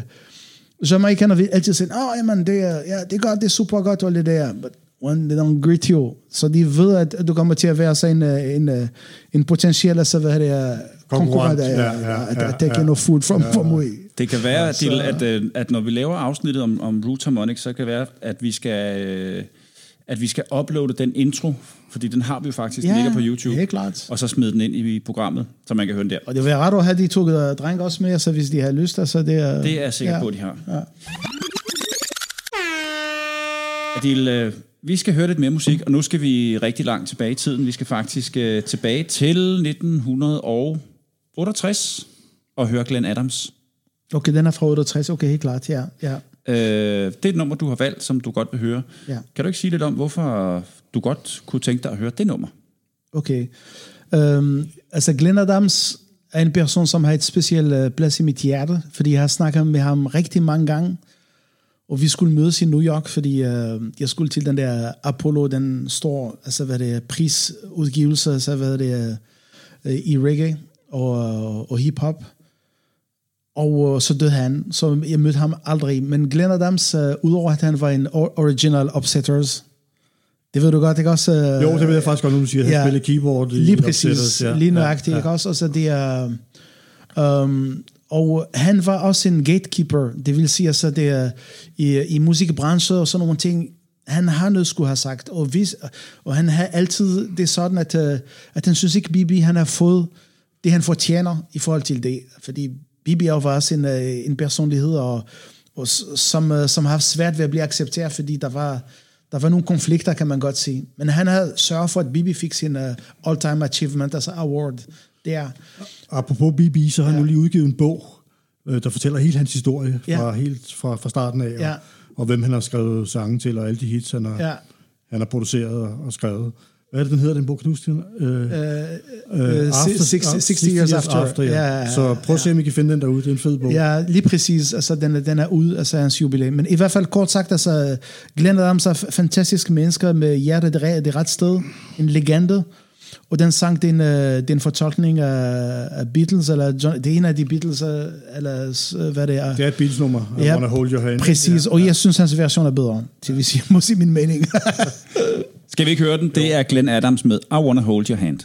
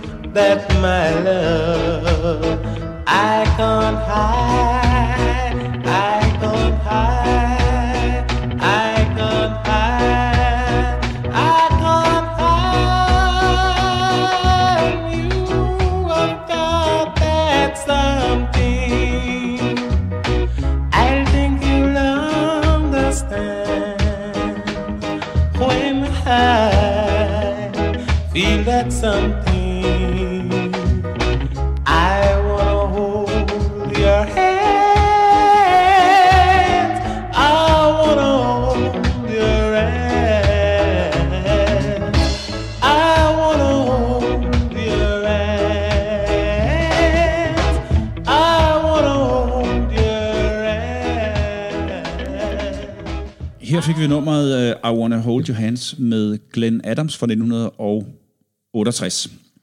Øh, imens vi hørte nummeret, Adil, så, så var jeg altså lige nødt til at se på øh, den CD, jeg har, med, øh, som vi snakker om tidligere, øh, som vi lavede efter Ministry of Harmony, hvor jeg kom til at sige, at øh, den lavede vi, da vi hed Root Harmonics. Det er faktisk ikke helt rigtigt. Den hed, det var stadigvæk Ministry of Harmony, som lavede den. Øh, men det synes jeg lige, vi vender tilbage til, når vi laver programmet om... øh, om øh, Ministry of Harmony og Root Harmonics. Mm. Det var bare lige en fejl, jeg havde brug for at, at få rettet. Adil, øh, for et par år siden, der øh, dannede du øh, det, der hed Caribbean Culture Drop. Kan du ikke prøve at forklare os, hvad det er for noget? Ja, altså, jeg er formand til en forening, som hedder øh, Atlantic, hvor vi laver udveksling mellem øh, de tidligere danske Vestindien og Danmark. Øh, og det, det øh, er jeg begyndt på, uh, fordi jeg lavede management for en, øh, en artist, som hedder Nayora fra St. Thomas. Har rødder i Dominica, men uh, har opvokset i St. Thomas. Og det er jo der, hvor øh, altså jeg, jeg fik øjet på, på, at Danmark har en, jeg vidste godt, Danmark har en historie med, med kolonitid og så videre, men jeg vidste lige at det var lige de der øer, som, uh, som det handler om. Og det, uh, da vi var på en, uh, på en turné i, uh, i Europa, så i deres off days, så tog det hjem rundt selvfølgelig at være gæstfri i Christiania og det der så synes jeg, at altså, Tipi fra iGrade Record og Niagara så virkelig interesseret og har store øjne og bliver ved med at sige, nå, så de sidste Danmark og det der, så ja. så, det som, så fandt jeg ud af, shit, det var de, de øh, uh, islands, som, uh, som Danmark har knyttet historie med. Og det synes jeg ligesom, der var, der var ligesom et, uh, et, uh, et behov i forhold til, uh, til, til at se ligesom uh, kulturelt, hvad man kunne gøre altså med, med de uh, island trods alt, som har den der specielle form for reggae. Og, Og iGrades, er det dem, som uh, Midnight var tilknyttet Akibeka, ja, for eksempel? præ- ja, præcis. Det er, altså, en ting med, og det er jo meget skægt, hvis jeg kan bare bruge to minutter på det, altså, altså Tipi, det er en fyr, som, uh, som har en far, som er fra Haiti, og en norsk mor. Og han, øh, han er advokat og kommer fra en, øh, en, en advokatfamilie fra far til søn i flere generationer. Og ender der så, da hans far blev stationær i, øh, i hvad hedder det, øh, i, øh, i St. Croix, så han ble, blev han lige sådan øh, færdig med sin øh, advokatuddannelse i Boston, i Howard, og, og han, han dropper det hele fuldstændig for at gå fu- all in i, i musik, og er begyndt at udvikle den genre, så den der øh, Deep Roots type of, som jeg synes er fantastisk, og så hvad hedder det, uh. I, i St. Croix har indspillet al det musik og den sound, vi kender fra Virgin Island, ikke også øh, mest af det. Og det, der, der er interessant, altså, jeg, jeg var på besøg hos ham i, øh, i St. Croix, og, øh, og han, er, han er opvokset i, øh, på Victor Borg, skøder og klaver og alt det der, fordi hans far var Victor Borgs øh, advokat. Og det, det synes jeg var meget pudsigt. Altså, det, yeah. At ligesom uh, det er totalt random, ikke? Altså, og Victor Borg har sin uh, ejendom der, og, og Jean Robert, som er typisk far, er, er hans uh, advokat. Uh, så jeg har set sådan nogle privat uh, familie, sådan nogle med, med nogle royal og sådan nogle ting, fester og så. Det, det, var, altså, det var virkelig surrealistisk. Men hans baggrund var også meget spændende, at han droppede den der law, altså hvad det fremtid han havde, til at gå fuldstændig i vej og, og musik, og har gjort det rigtig godt. Altså, jeg er meget kritisk på alt det reggae, der ikke kommer fra Jamaica, hvis det ikke har et land. Han har formået så få en sound, og, som rammer også internationalt, og der, der er noget særligt, ikke også? Det, det, uh... Men anyway, de var, de, var, de var meget nysgerrige for at komme tilbage i deres bøsser her i København, omkring Danmark. Og der tænkte jeg, shit, der skal gøres noget med det her. Så starter jeg den der forening, som hedder Artlantic, og øh, vi lavede forskellige altså udvekslinger med kunstnere. Øh, øh, og ikke kun i musik, men øh, også i visuel kunst. Øh, vi har blandt andet altså været initiativtager med sammensætte de to kunstnere, der har lavet den store øh, statue, der er i lang linje, øh, I'm Queen Mary. Men, øh, men også mange musikale, altså musikale øh, øh, altså projekter, som i 2017, det var Centennial, 100 år, Danmark har solgt Virgin Island til USA for, tror jeg, 25 millioner altså dollar, og det var ingenting dengang. altså det, så det var den altså motivation i forhold til, der var både reggae, og der var noget historik, så vi begyndte en forening, og en af vores aktiviteter, det, det blev Caribbean Culture Drop, fordi jeg synes, der manglede sådan et, øh, en klub, der kørte øh, noget, noget roots og og kulturel altså indslag, for det ikke skulle kun være, altså, hvad hedder det, at øh, det skulle ikke være en ny Robert Up, fordi altså, det, det synes jeg slet ikke, at, øh, at det var nødvendigt at gå den vej. Altså Robert Up har været, og det var fantastisk. Altså, vi skulle have noget, hvor der var mere altså, til øh, nørder med blader. Vi har noget Strictly Vinyl, hvor folk, der, der har kærlighed for, for blader, kan komme og spille, og, og vi har også uh, intentioner til at lave udveksling og sælge deres, uh, altså hvad det, hvis der er nogen, der vil sælge deres vinyler, og så udveksle. Og så vi øh, inviterer kunstnere, og vi vil gerne have nogle temaer, hvor man kunne uh, invitere forskellige så personlighed. Og den, den der platform, vi øh, uh, forsøger at udvikle, den er til alle, hvor alle kan, uh, kan henvende sig og, og kan præge, altså så længe det kan ramme den der, det vi har ramsat, altså det, den der form for, den der format med han noget vinyl, have have noget DJ bagefter, og han noget live, altså musik, det, det er jo det, der, der er hvad er det, tankerne? Jeg Desværre. Huske, øh, jeg kan huske den første øh, arrangement, jeg havde, der havde vist de jo blandt andet en reggae-film, og det den om Toots, I viste, ikke? Den første arrangement, I havde, ikke? Øh, det, det kan jeg ikke... Det mener jeg, det var. Jeg husker, ja, ja. Det, kan, ja, det kan, det kan godt være. Men altså, at vise dokumentarer er også en del af det. Ja, ja, altså, vi, ja. Øh, vi insisterer jo at have den der kulturdel af det, og ikke bare altså, komme og høre altså, en DJ, der spiller, som jeg synes er meget fint. Det har vi også. Men det andet, folk kan snakke sammen og så pludselig der er et sted, altså jeg, jeg ved personligt, da jeg blev forelsket i den her genre, så der var, ind, altså, man, der var ikke rigtig noget som sådan, ikke? Altså, hvor folk kan mødes og, og udvide deres netværk og lære folk at kende og præsentere, hvis de har altså også til upcoming, og nogen, der, der har en release, der vil lave noget, altså hvad det, både i altså lave gear og måske en smule mere, fordi vi har mulighed til at lave en, uh, vi har lavet en koncert med Norris Mann, selvom det er heldigt i den coronatid, så det er meget begrænset, det, ja, det man kan ja. og ikke kan, ikke? Altså, det lykkes for os at lave den koncert altså med, med Norrisman. Så man kan nogle ting, og det, vi bliver ved, altså vi har lige søgt nogle puljer, ikke også til at lave nogle ting, og den uh, første uh, store ting, vi skulle have, uh, det var den 13. februar, med et kæmpe telt i, øh, på Blågårds Plads, og den kan du regne ud. Ja, det, det kan man den, er, ikke. den er sløjfet, ja, ikke? Så, det, så det, er, det er sådan, altså ja. vi, vi bliver ved med, med at prøve at anticipere og, og programmere nogle ting, og vi må se, hvad der sker. Altså. Fedt, I kæmper videre. Altså. Ja. Hvem er, hvem er med i det her projekt? Det er dig, og hvem mere? Det er mig, øh, så det er Claus, øh, han har også et, øh, et reggae, han har stor kærlighed til uh, Virgin Island reggae, og det er mærkeligt, fordi man kender ham ikke i, uh, i reggae-miljøet. Han er fra Aarhus af, og kommer hertil, men arbejder i sådan en hardcore, altså finans og det der. Ja. Men, uh, men han kom faktisk til, uh, til, uh, til den koncert, vi havde i Pumpehuset til uh, 100 års dag med Pressure Boss Pipe og uh, Revelation the Royal og, og, og, og hvad hedder det, Naira, og han kom og giver mig et kæmpe kram efter det, han siger, hold kæft, det er fedt, og, og det er, jo, det er jo simpelthen sådan, jeg har lært ham at kende, og han skrev til mig, jeg kunne ikke huske, det var ham, altså på Facebook, og, og kunne godt se, hvornår skal der noget andet, og så videre, og så vi mødtes, og jeg kan godt se, at han vil gerne, og han blev headhunted til øh, at lave noget administration i, i det, og så har vi, uh, vi har Maria, som uh, som øh, er fantastisk, øh, som står for kommunikation, og hun er super dygtig. Altså, en, øh, hun, øh, hun laver alt det med øh, hjemmeside og kommunikation, og det gør hun altså også øh, Sofia Manning, sådan coach, og det hele det der top. Men jeg synes, hun har hun blandet både teknik og noget kreativt, som jeg synes øh, er godt. Og, øh, og så vi har in-house øh, Mikkel fra, fra, hvad hedder det, øh, fra People's Choice, som, øh, fordi vi har mad også i klubben, ja, som jeg synes er ja. vigtigt. Ikke? Altså, Ja. det, og han, han lavede sine ting altså med, med mad, så han kom ind både som øh, resident DJ og lavede mad, så han er sin del af familien, og, og der er flere, der kommer ind, og, så vi regner med, også dig Lars, vi har sagt det så, når du har tid, og så at du skal komme og, og give en hånd. Altså, du er altid god. ja, det er frisk.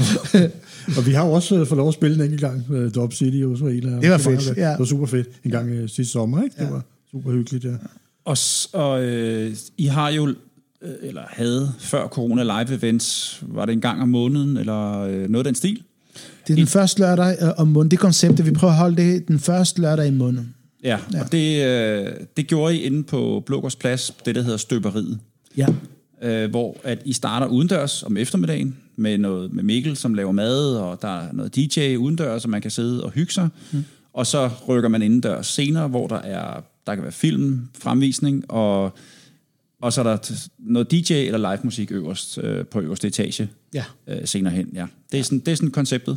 Ja, men øh, fuldstændig, og det, øh, jeg vil også øh, benytte mig i lejlighed til at sige tak til alle, der har, der har været med til øh, vores grand opening, altså det er med Rosamund Hi-Fi, og altså med Lars, og det, det var virkelig fantastisk, fordi for os, vi, vi var ikke helt klar over, så hvordan vi ville øh, det blive taget imod, så det er jo, det tænker vi fra den første, det, det har været en succes, og de samtlige øh, events har været virkelig fantastisk, ja. hvor også med corona desværre, altså vi var hurtigt udsolgt, fordi altså man kunne ikke have med en 50, men folk, altså de, øhm, de, de er positive over for det, så det giver også os øh, motivation til at, til at fortsætte.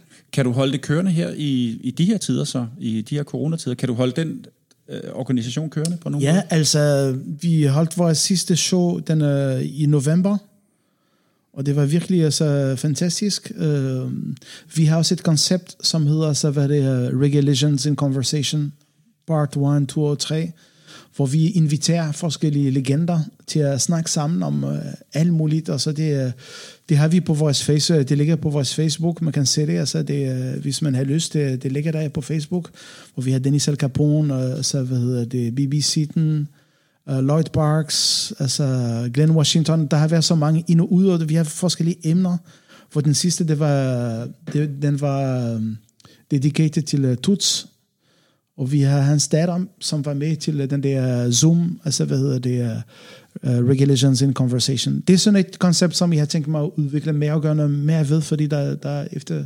efterspørgsel omkring det. Så det er også en, en format, og vi er åben, hvis der, er- der er nogen, der vil øh, der er initiativ tager for noget, så altså platformer til det sammen, altså det er Hvor kan man læse mere om Caribbean Culture Drop henne? på vores hjemmeside, altså caribbeanculturedrop.com og, øh, og øh, Facebook, Caribbean Culture Drop. Øh, der lægger vi forskellige ting, altså øh, med vores baggrund og mission og mål, og øh, altså hvad, hvad vi nu gør. Så det er en opfordring herfra, at hvis man, øh, der kan man i hvert fald tage kontakt til jer derinde. Ja, absolut. Og der er en del uh, upcoming bands, som jeg ikke kender, som vi gerne optræde, og det vil vi gerne. Uh, det eneste store, så, hvad hedder det, så hemsko, det, det er netop øh, den der corona, vi ved ikke, om vi har købt eller solgt. Jeg skal lige sige, så vi har øh, planlagt en, uh, en, øh, en tribute til, øh, til, øh, til Subidua, efter vi har mistet, så det var oplagt at lave sådan reggae, reggae-tema, fordi de har lavet en, øh, et, et reggae-plade, altså det, som, ja, ja. Uh, som er meget interessant, ikke også? Ja, ja, ja. Og det var lige den 26. efter jul, så det var lidt oplagt, var nødt til at aflyse det, på grund af de desværre. øh, Ja. altså, ting, der er. Ja. Men vi er på, altså vi prøver at se, hvad vi kan gøre, så fremadrettet. Jeg synes, vi skal høre noget mere musik, Adil. Yes. Øh, dit øh, sidste nummer, du har taget med, det er Max Romeo.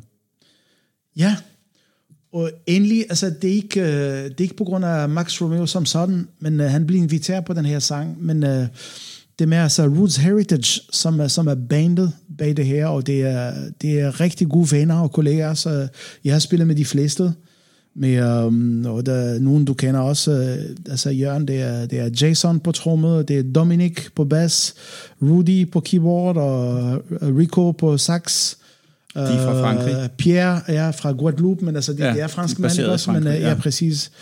Og øh, fantastisk musiker. Og det, altså... Øh, jeg ved, der er nogen, der, der kalder mig lidt reggae-politiet her. ja, jeg synes, det er meget sjovt. Det er øh, fordi, altså, jeg er så lidt kritisk og alt det der og sådan noget. Men igen, der er ikke noget sandhed altså, i det her. Det er jo bare min kompas, og hvordan jeg ser det. Altså, og det er, øh, og alt, som I kommer fra Jamaica, så I- der skal virkelig være noget, som jeg siger, ah, shit, these guys, you know, they have it. Ja, ja. og jeg synes, de her drenge, altså, det, det er virkelig fedt. De har lavet sådan et dub-projekt med blæssektion, og, og jeg synes, det er virkelig fedt, det de det, de har kørende. Og uh, deres uh, uh, pladselskab, altså hvad det er, Bako, de uh, har inviteret forskellige kunstnere til at øh, synge på deres ting, og det er en, en af dem, det er Max Romeo.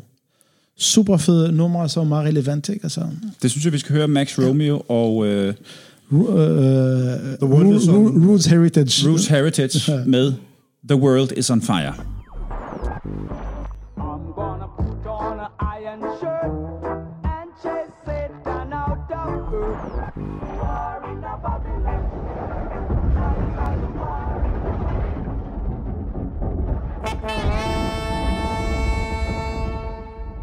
I'm gonna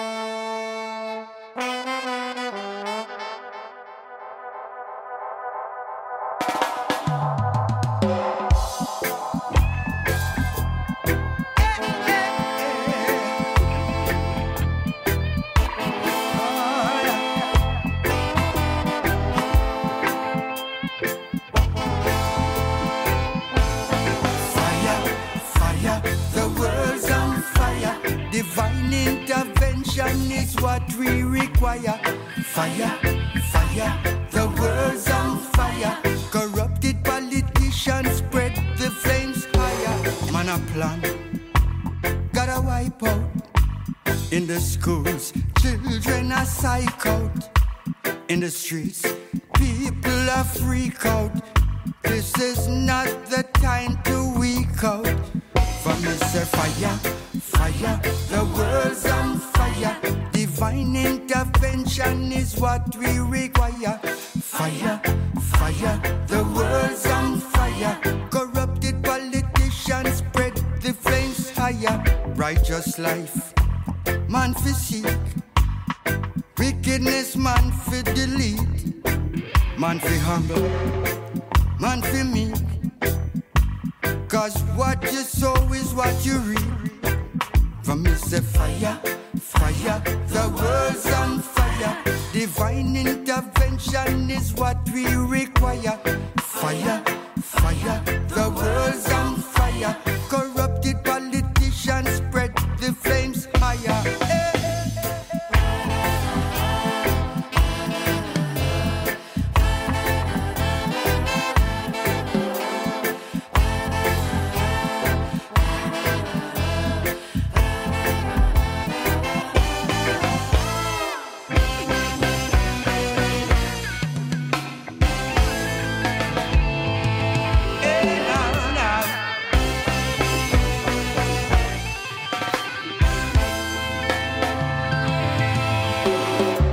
Man a plan, gotta wipe out in the schools. Children are psych out in the streets. People are freak out. This is not the time to weak out righteous life. Man fi see wickedness. Man fi delete. Man fi humble. Man fi me. Cause what you sow is what you reap. Fire, the world's on fire. Divine intervention is what we require. Fire, fire, the world's on fire. Divine intervention is what we require. Fire, fire, the world's on fire. Politicians spread the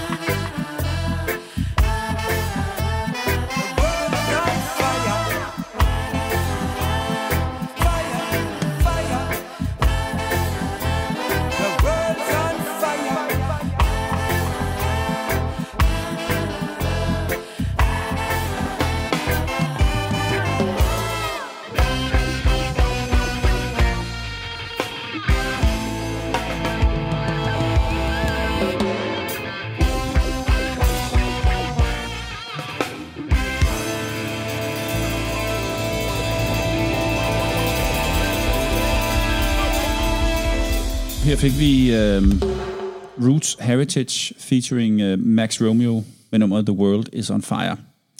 Adil, du har jo også et, øh, haft, eller har stadigvæk et samarbejde med Farfar. Kan du ikke prøve at fortælle om det? Ja, altså vi har et øh, lille setup, en, øh, et lille label, hvor vi øh, laver nogle ting, som øh, vi synes er fede. Og øh, vi har et lille label, som hedder Ice Drop Record. Det kom i stand, fordi altså, så farfar og jeg har haft øh, vores karriere parallel og lavet alle mulige ting. Og der, jeg kan huske øh, en gang, vi mødes på Robert Up og sagde, hey, øh, Adil, altså, vi har to store i går, og vi skal lave noget sammen, og det ene og det andet, og så jeg synes, det var så, det var fedt, Øh, og det er jo det, altså, jeg har også haft lyst til at lave noget med ham, altså, i ret længere tid, men, men igen, altså, jeg, han var mere så fokuseret på, på, på, på det danske marked, og jeg var, jeg var mere i udlandet, og mest med live musik, så det var virkelig fedt, altså, og, og det har jeg har altid haft, øh, altså, altså respekt og kærlighed for farfar, fordi han er hårdt arbejdende person altså i branchen, og man vil, altså I kan huske ham way back altså i, uh, i Refs, hvor han havde sin lille studio der, altså et kælder, og med de første computer og uh, floppy disk og alt det der, så, så, så han kom altså long way til, uh, og tror, han arbejder, arbejder hårdt for øh, al sin, uh, sin, hvad hedder det, uh, sin status og sine priser. Men for mig, det var virkelig fedt, at vi kunne samles omkring det her label, og, uh, og gøre nogle ting, som vi synes er fede med internationale navn, og bruge vores, uh, vores hvad hedder det, uh, spidskompetencer, altså hver især. Og, um, Så det vil sige, er- han, han, øh, han producerer musikken, du har netværket, kontakterne. Ja, altså vi producerer sammen, kan, kan man godt sige, og arrangerer sammen. Men han er selvfølgelig tekniker bag, bag knapper, og, mm. men øh, vi øh, co-producerer vores ting, og så vi har musikere, der kommer ind, og, øh, og prøve at få nogle altså, kunstnere til, til at synge på dem. Og vores første, øh, øh, hvad det er, øh, en rytmealbum, kan man godt sige, altså øh, compilation, det hedder så Cold Time Rhythm, Øh, så har vi haft usædvanligt mange kunstnere på. Jeg tror ikke, om det er 20 eller 22 kunstnere. Og det, det var noget, som farfar har liggende, som vi har fået på, på, hvad er det, på rytmen, og der er nogen, der har, der har jeg fik uh, Lutan Fire til at lave et super fed tune. Altså, Er det ude, det album? Øh, ja, det er ude. Og kan man finde det på Spotify? Eller? Ja, det kan man. Hvad hedder det, siger Alt du? tjeneste, uh, cold, cold Time Rhythm. Cool Time Rhythm. Uh, altså cold som... Uh, Cold. ikke? Uh, Cold- cold, time cold rhythm, time, ja. okay, ja. Um, og det der er, altså, jeg er faktisk ude og, og besøge Nazio Fontaine i, uh, i Dominica. Der var en rasta gut, som var i et hjørne af et, uh, en gade, og så solgte de der, de der mixtape CD'er og, og så videre, ikke? Altså, og han kender Nayo også, og, så de snakker sammen, og det hey, tag lige den her, så for, hvad hedder det, for til musikken til bilen og sådan noget.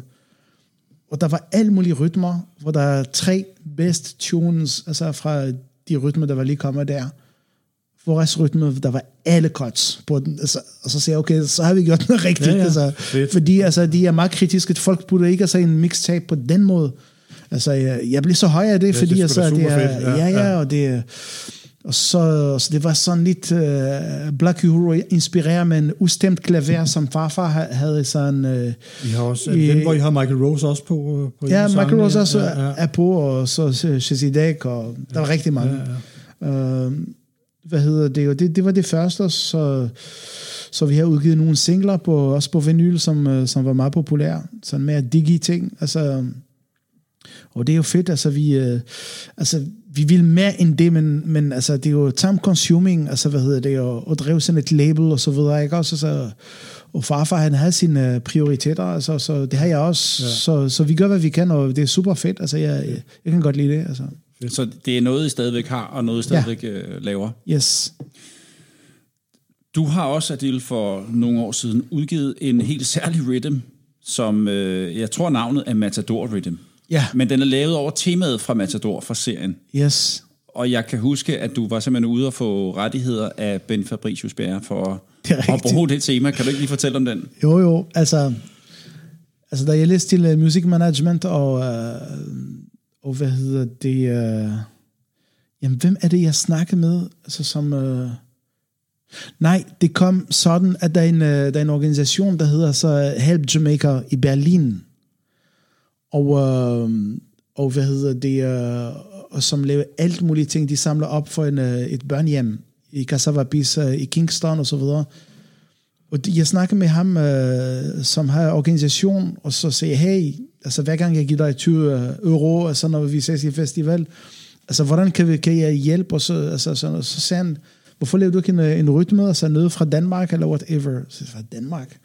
Og så jeg fik en skør i det med Matador, fordi hvis der er noget, der kan repræsentere Danmark, det er Matador, det er Matador ikke Ja, også? ja. Så, så kom jeg i studio og indspille det, og jeg har Thomas lige holdt med til at spille keyboards, og er med på projektet. Og så, så det er fedt, så skrev jeg til uh, Ben Fa- Fabricius og sin plan. Altså, og han er mega tør og virkelig, men uh, venlig, han siger. Jeg sendte ham et demo, han sagde, det vil han gerne, sagde han.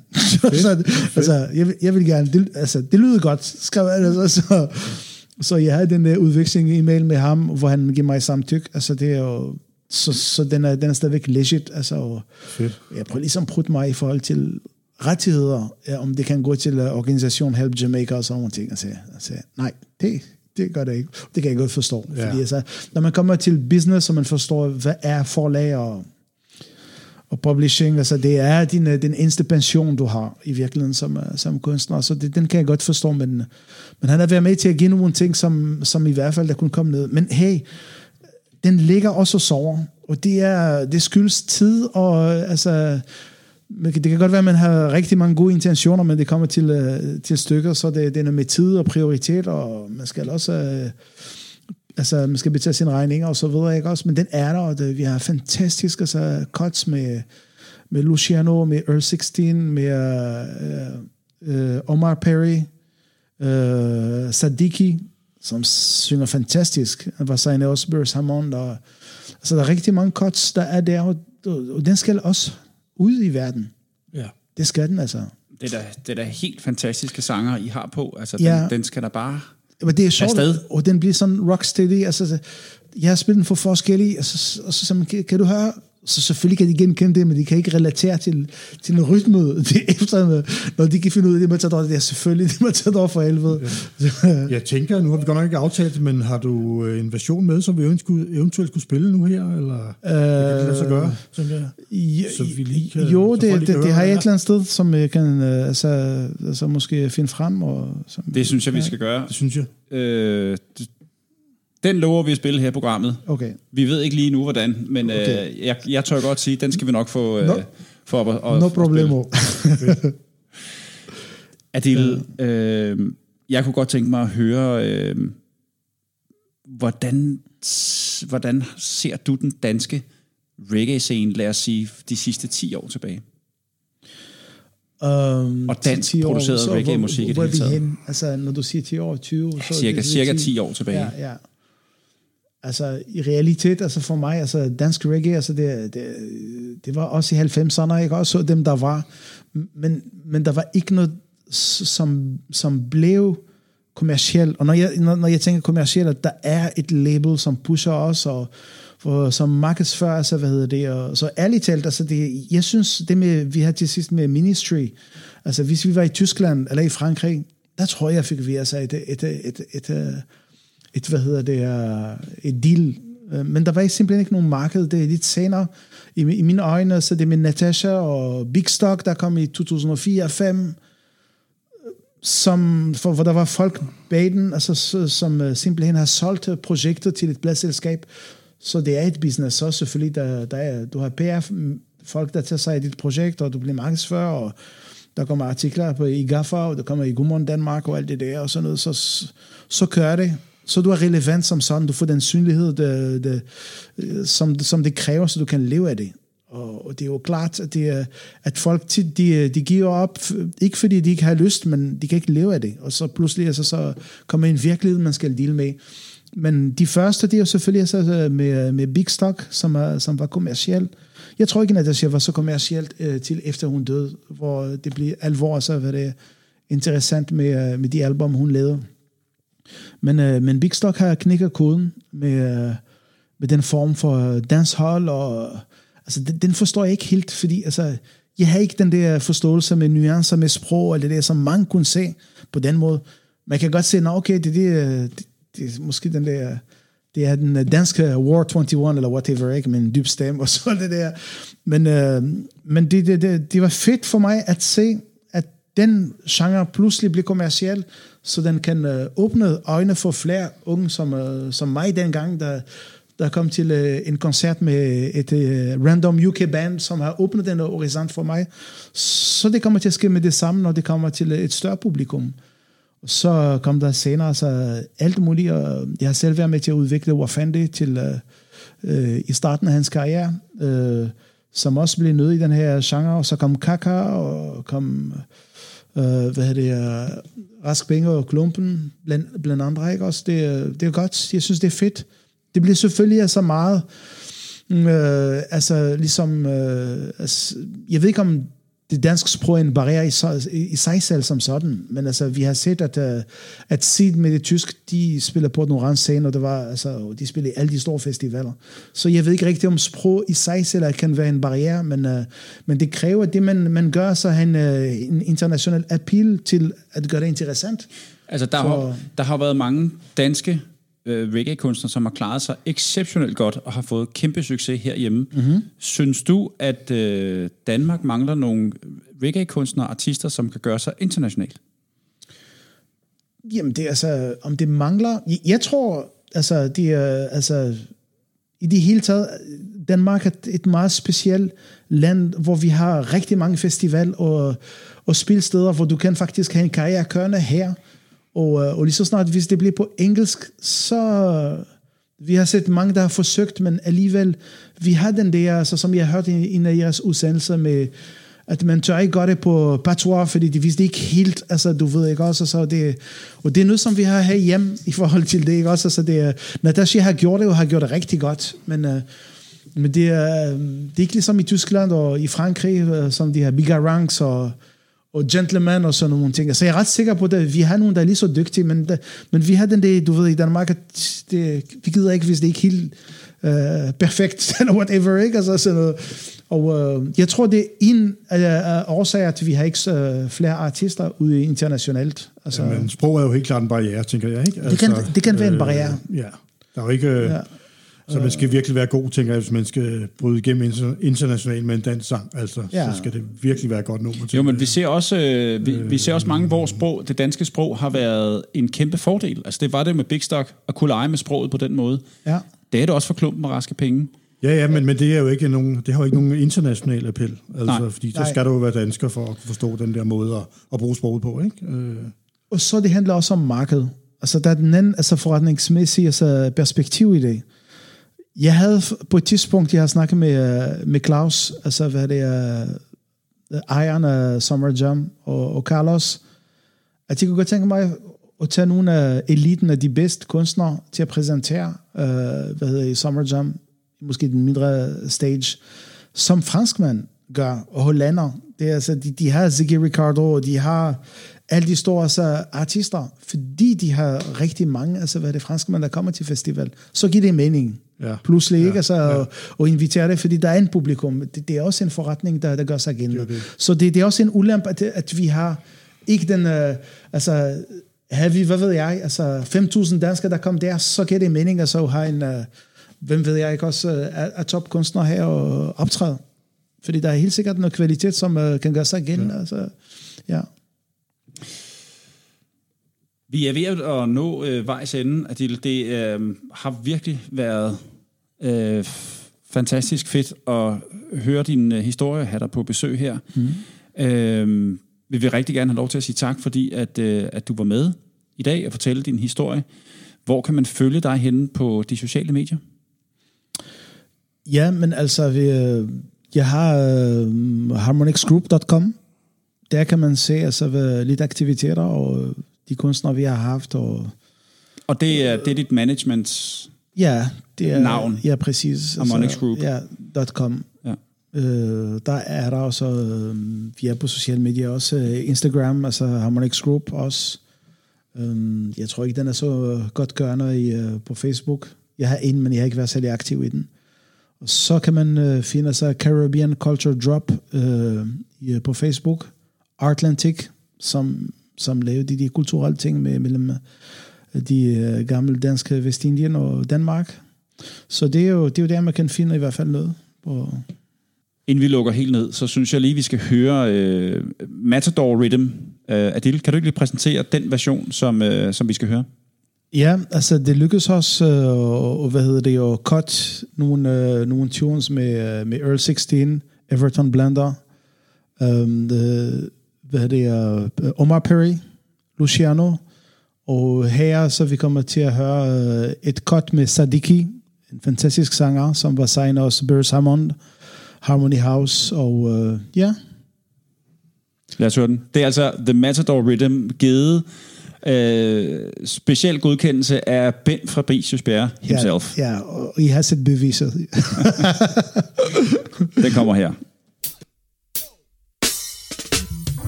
We I'm can speaking reach to Jah, them. right down to the people that are the very last drop. well. What do you Join together and teach Education and them. training. Jamaica. Midday break time, singing sweet nursery rhymes. Good to be young, innocent fun, yeah. Not a care in the world, simple boys and girls, just living life, living life. Elders looking at you, laying blame up on you and you have no clue what we've prepared for your tomorrow. Unemployment, crime, and violence. Still, we refuse to say we're failing you. Elders, let us join together and teach them.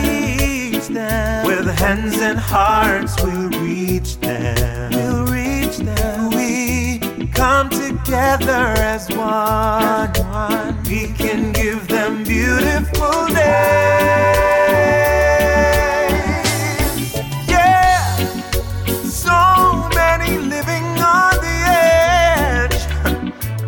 If we're not careful, we could generation. Our doctors, our teachers, businessmen and women, murderers and thieves, if we let them slip away.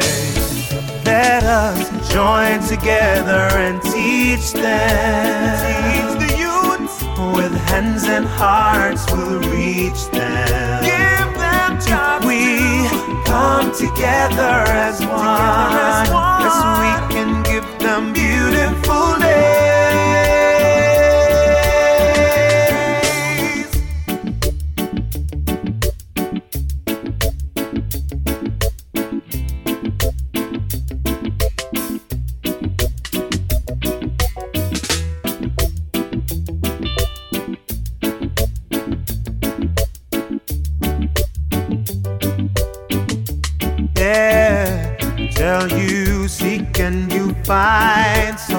Join the job lines.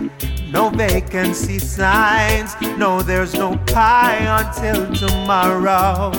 Gotta pay rent, but it's already spent. Still, we refuse to say we're failing to you.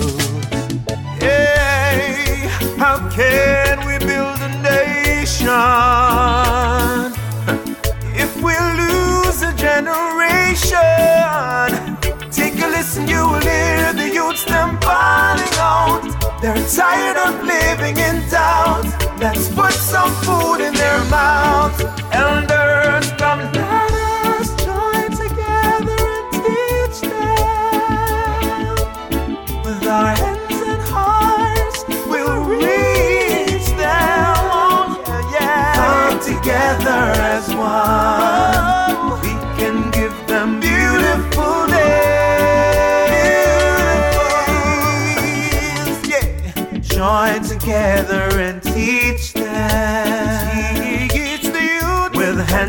hearts, we'll reach them. Yeah, we'll reach them. Come together as one. We can give them beautiful days. Ooh, join together and teach them now. With the hands and hearts, I know we'll reach them. Come together as one. We can give them beautiful days.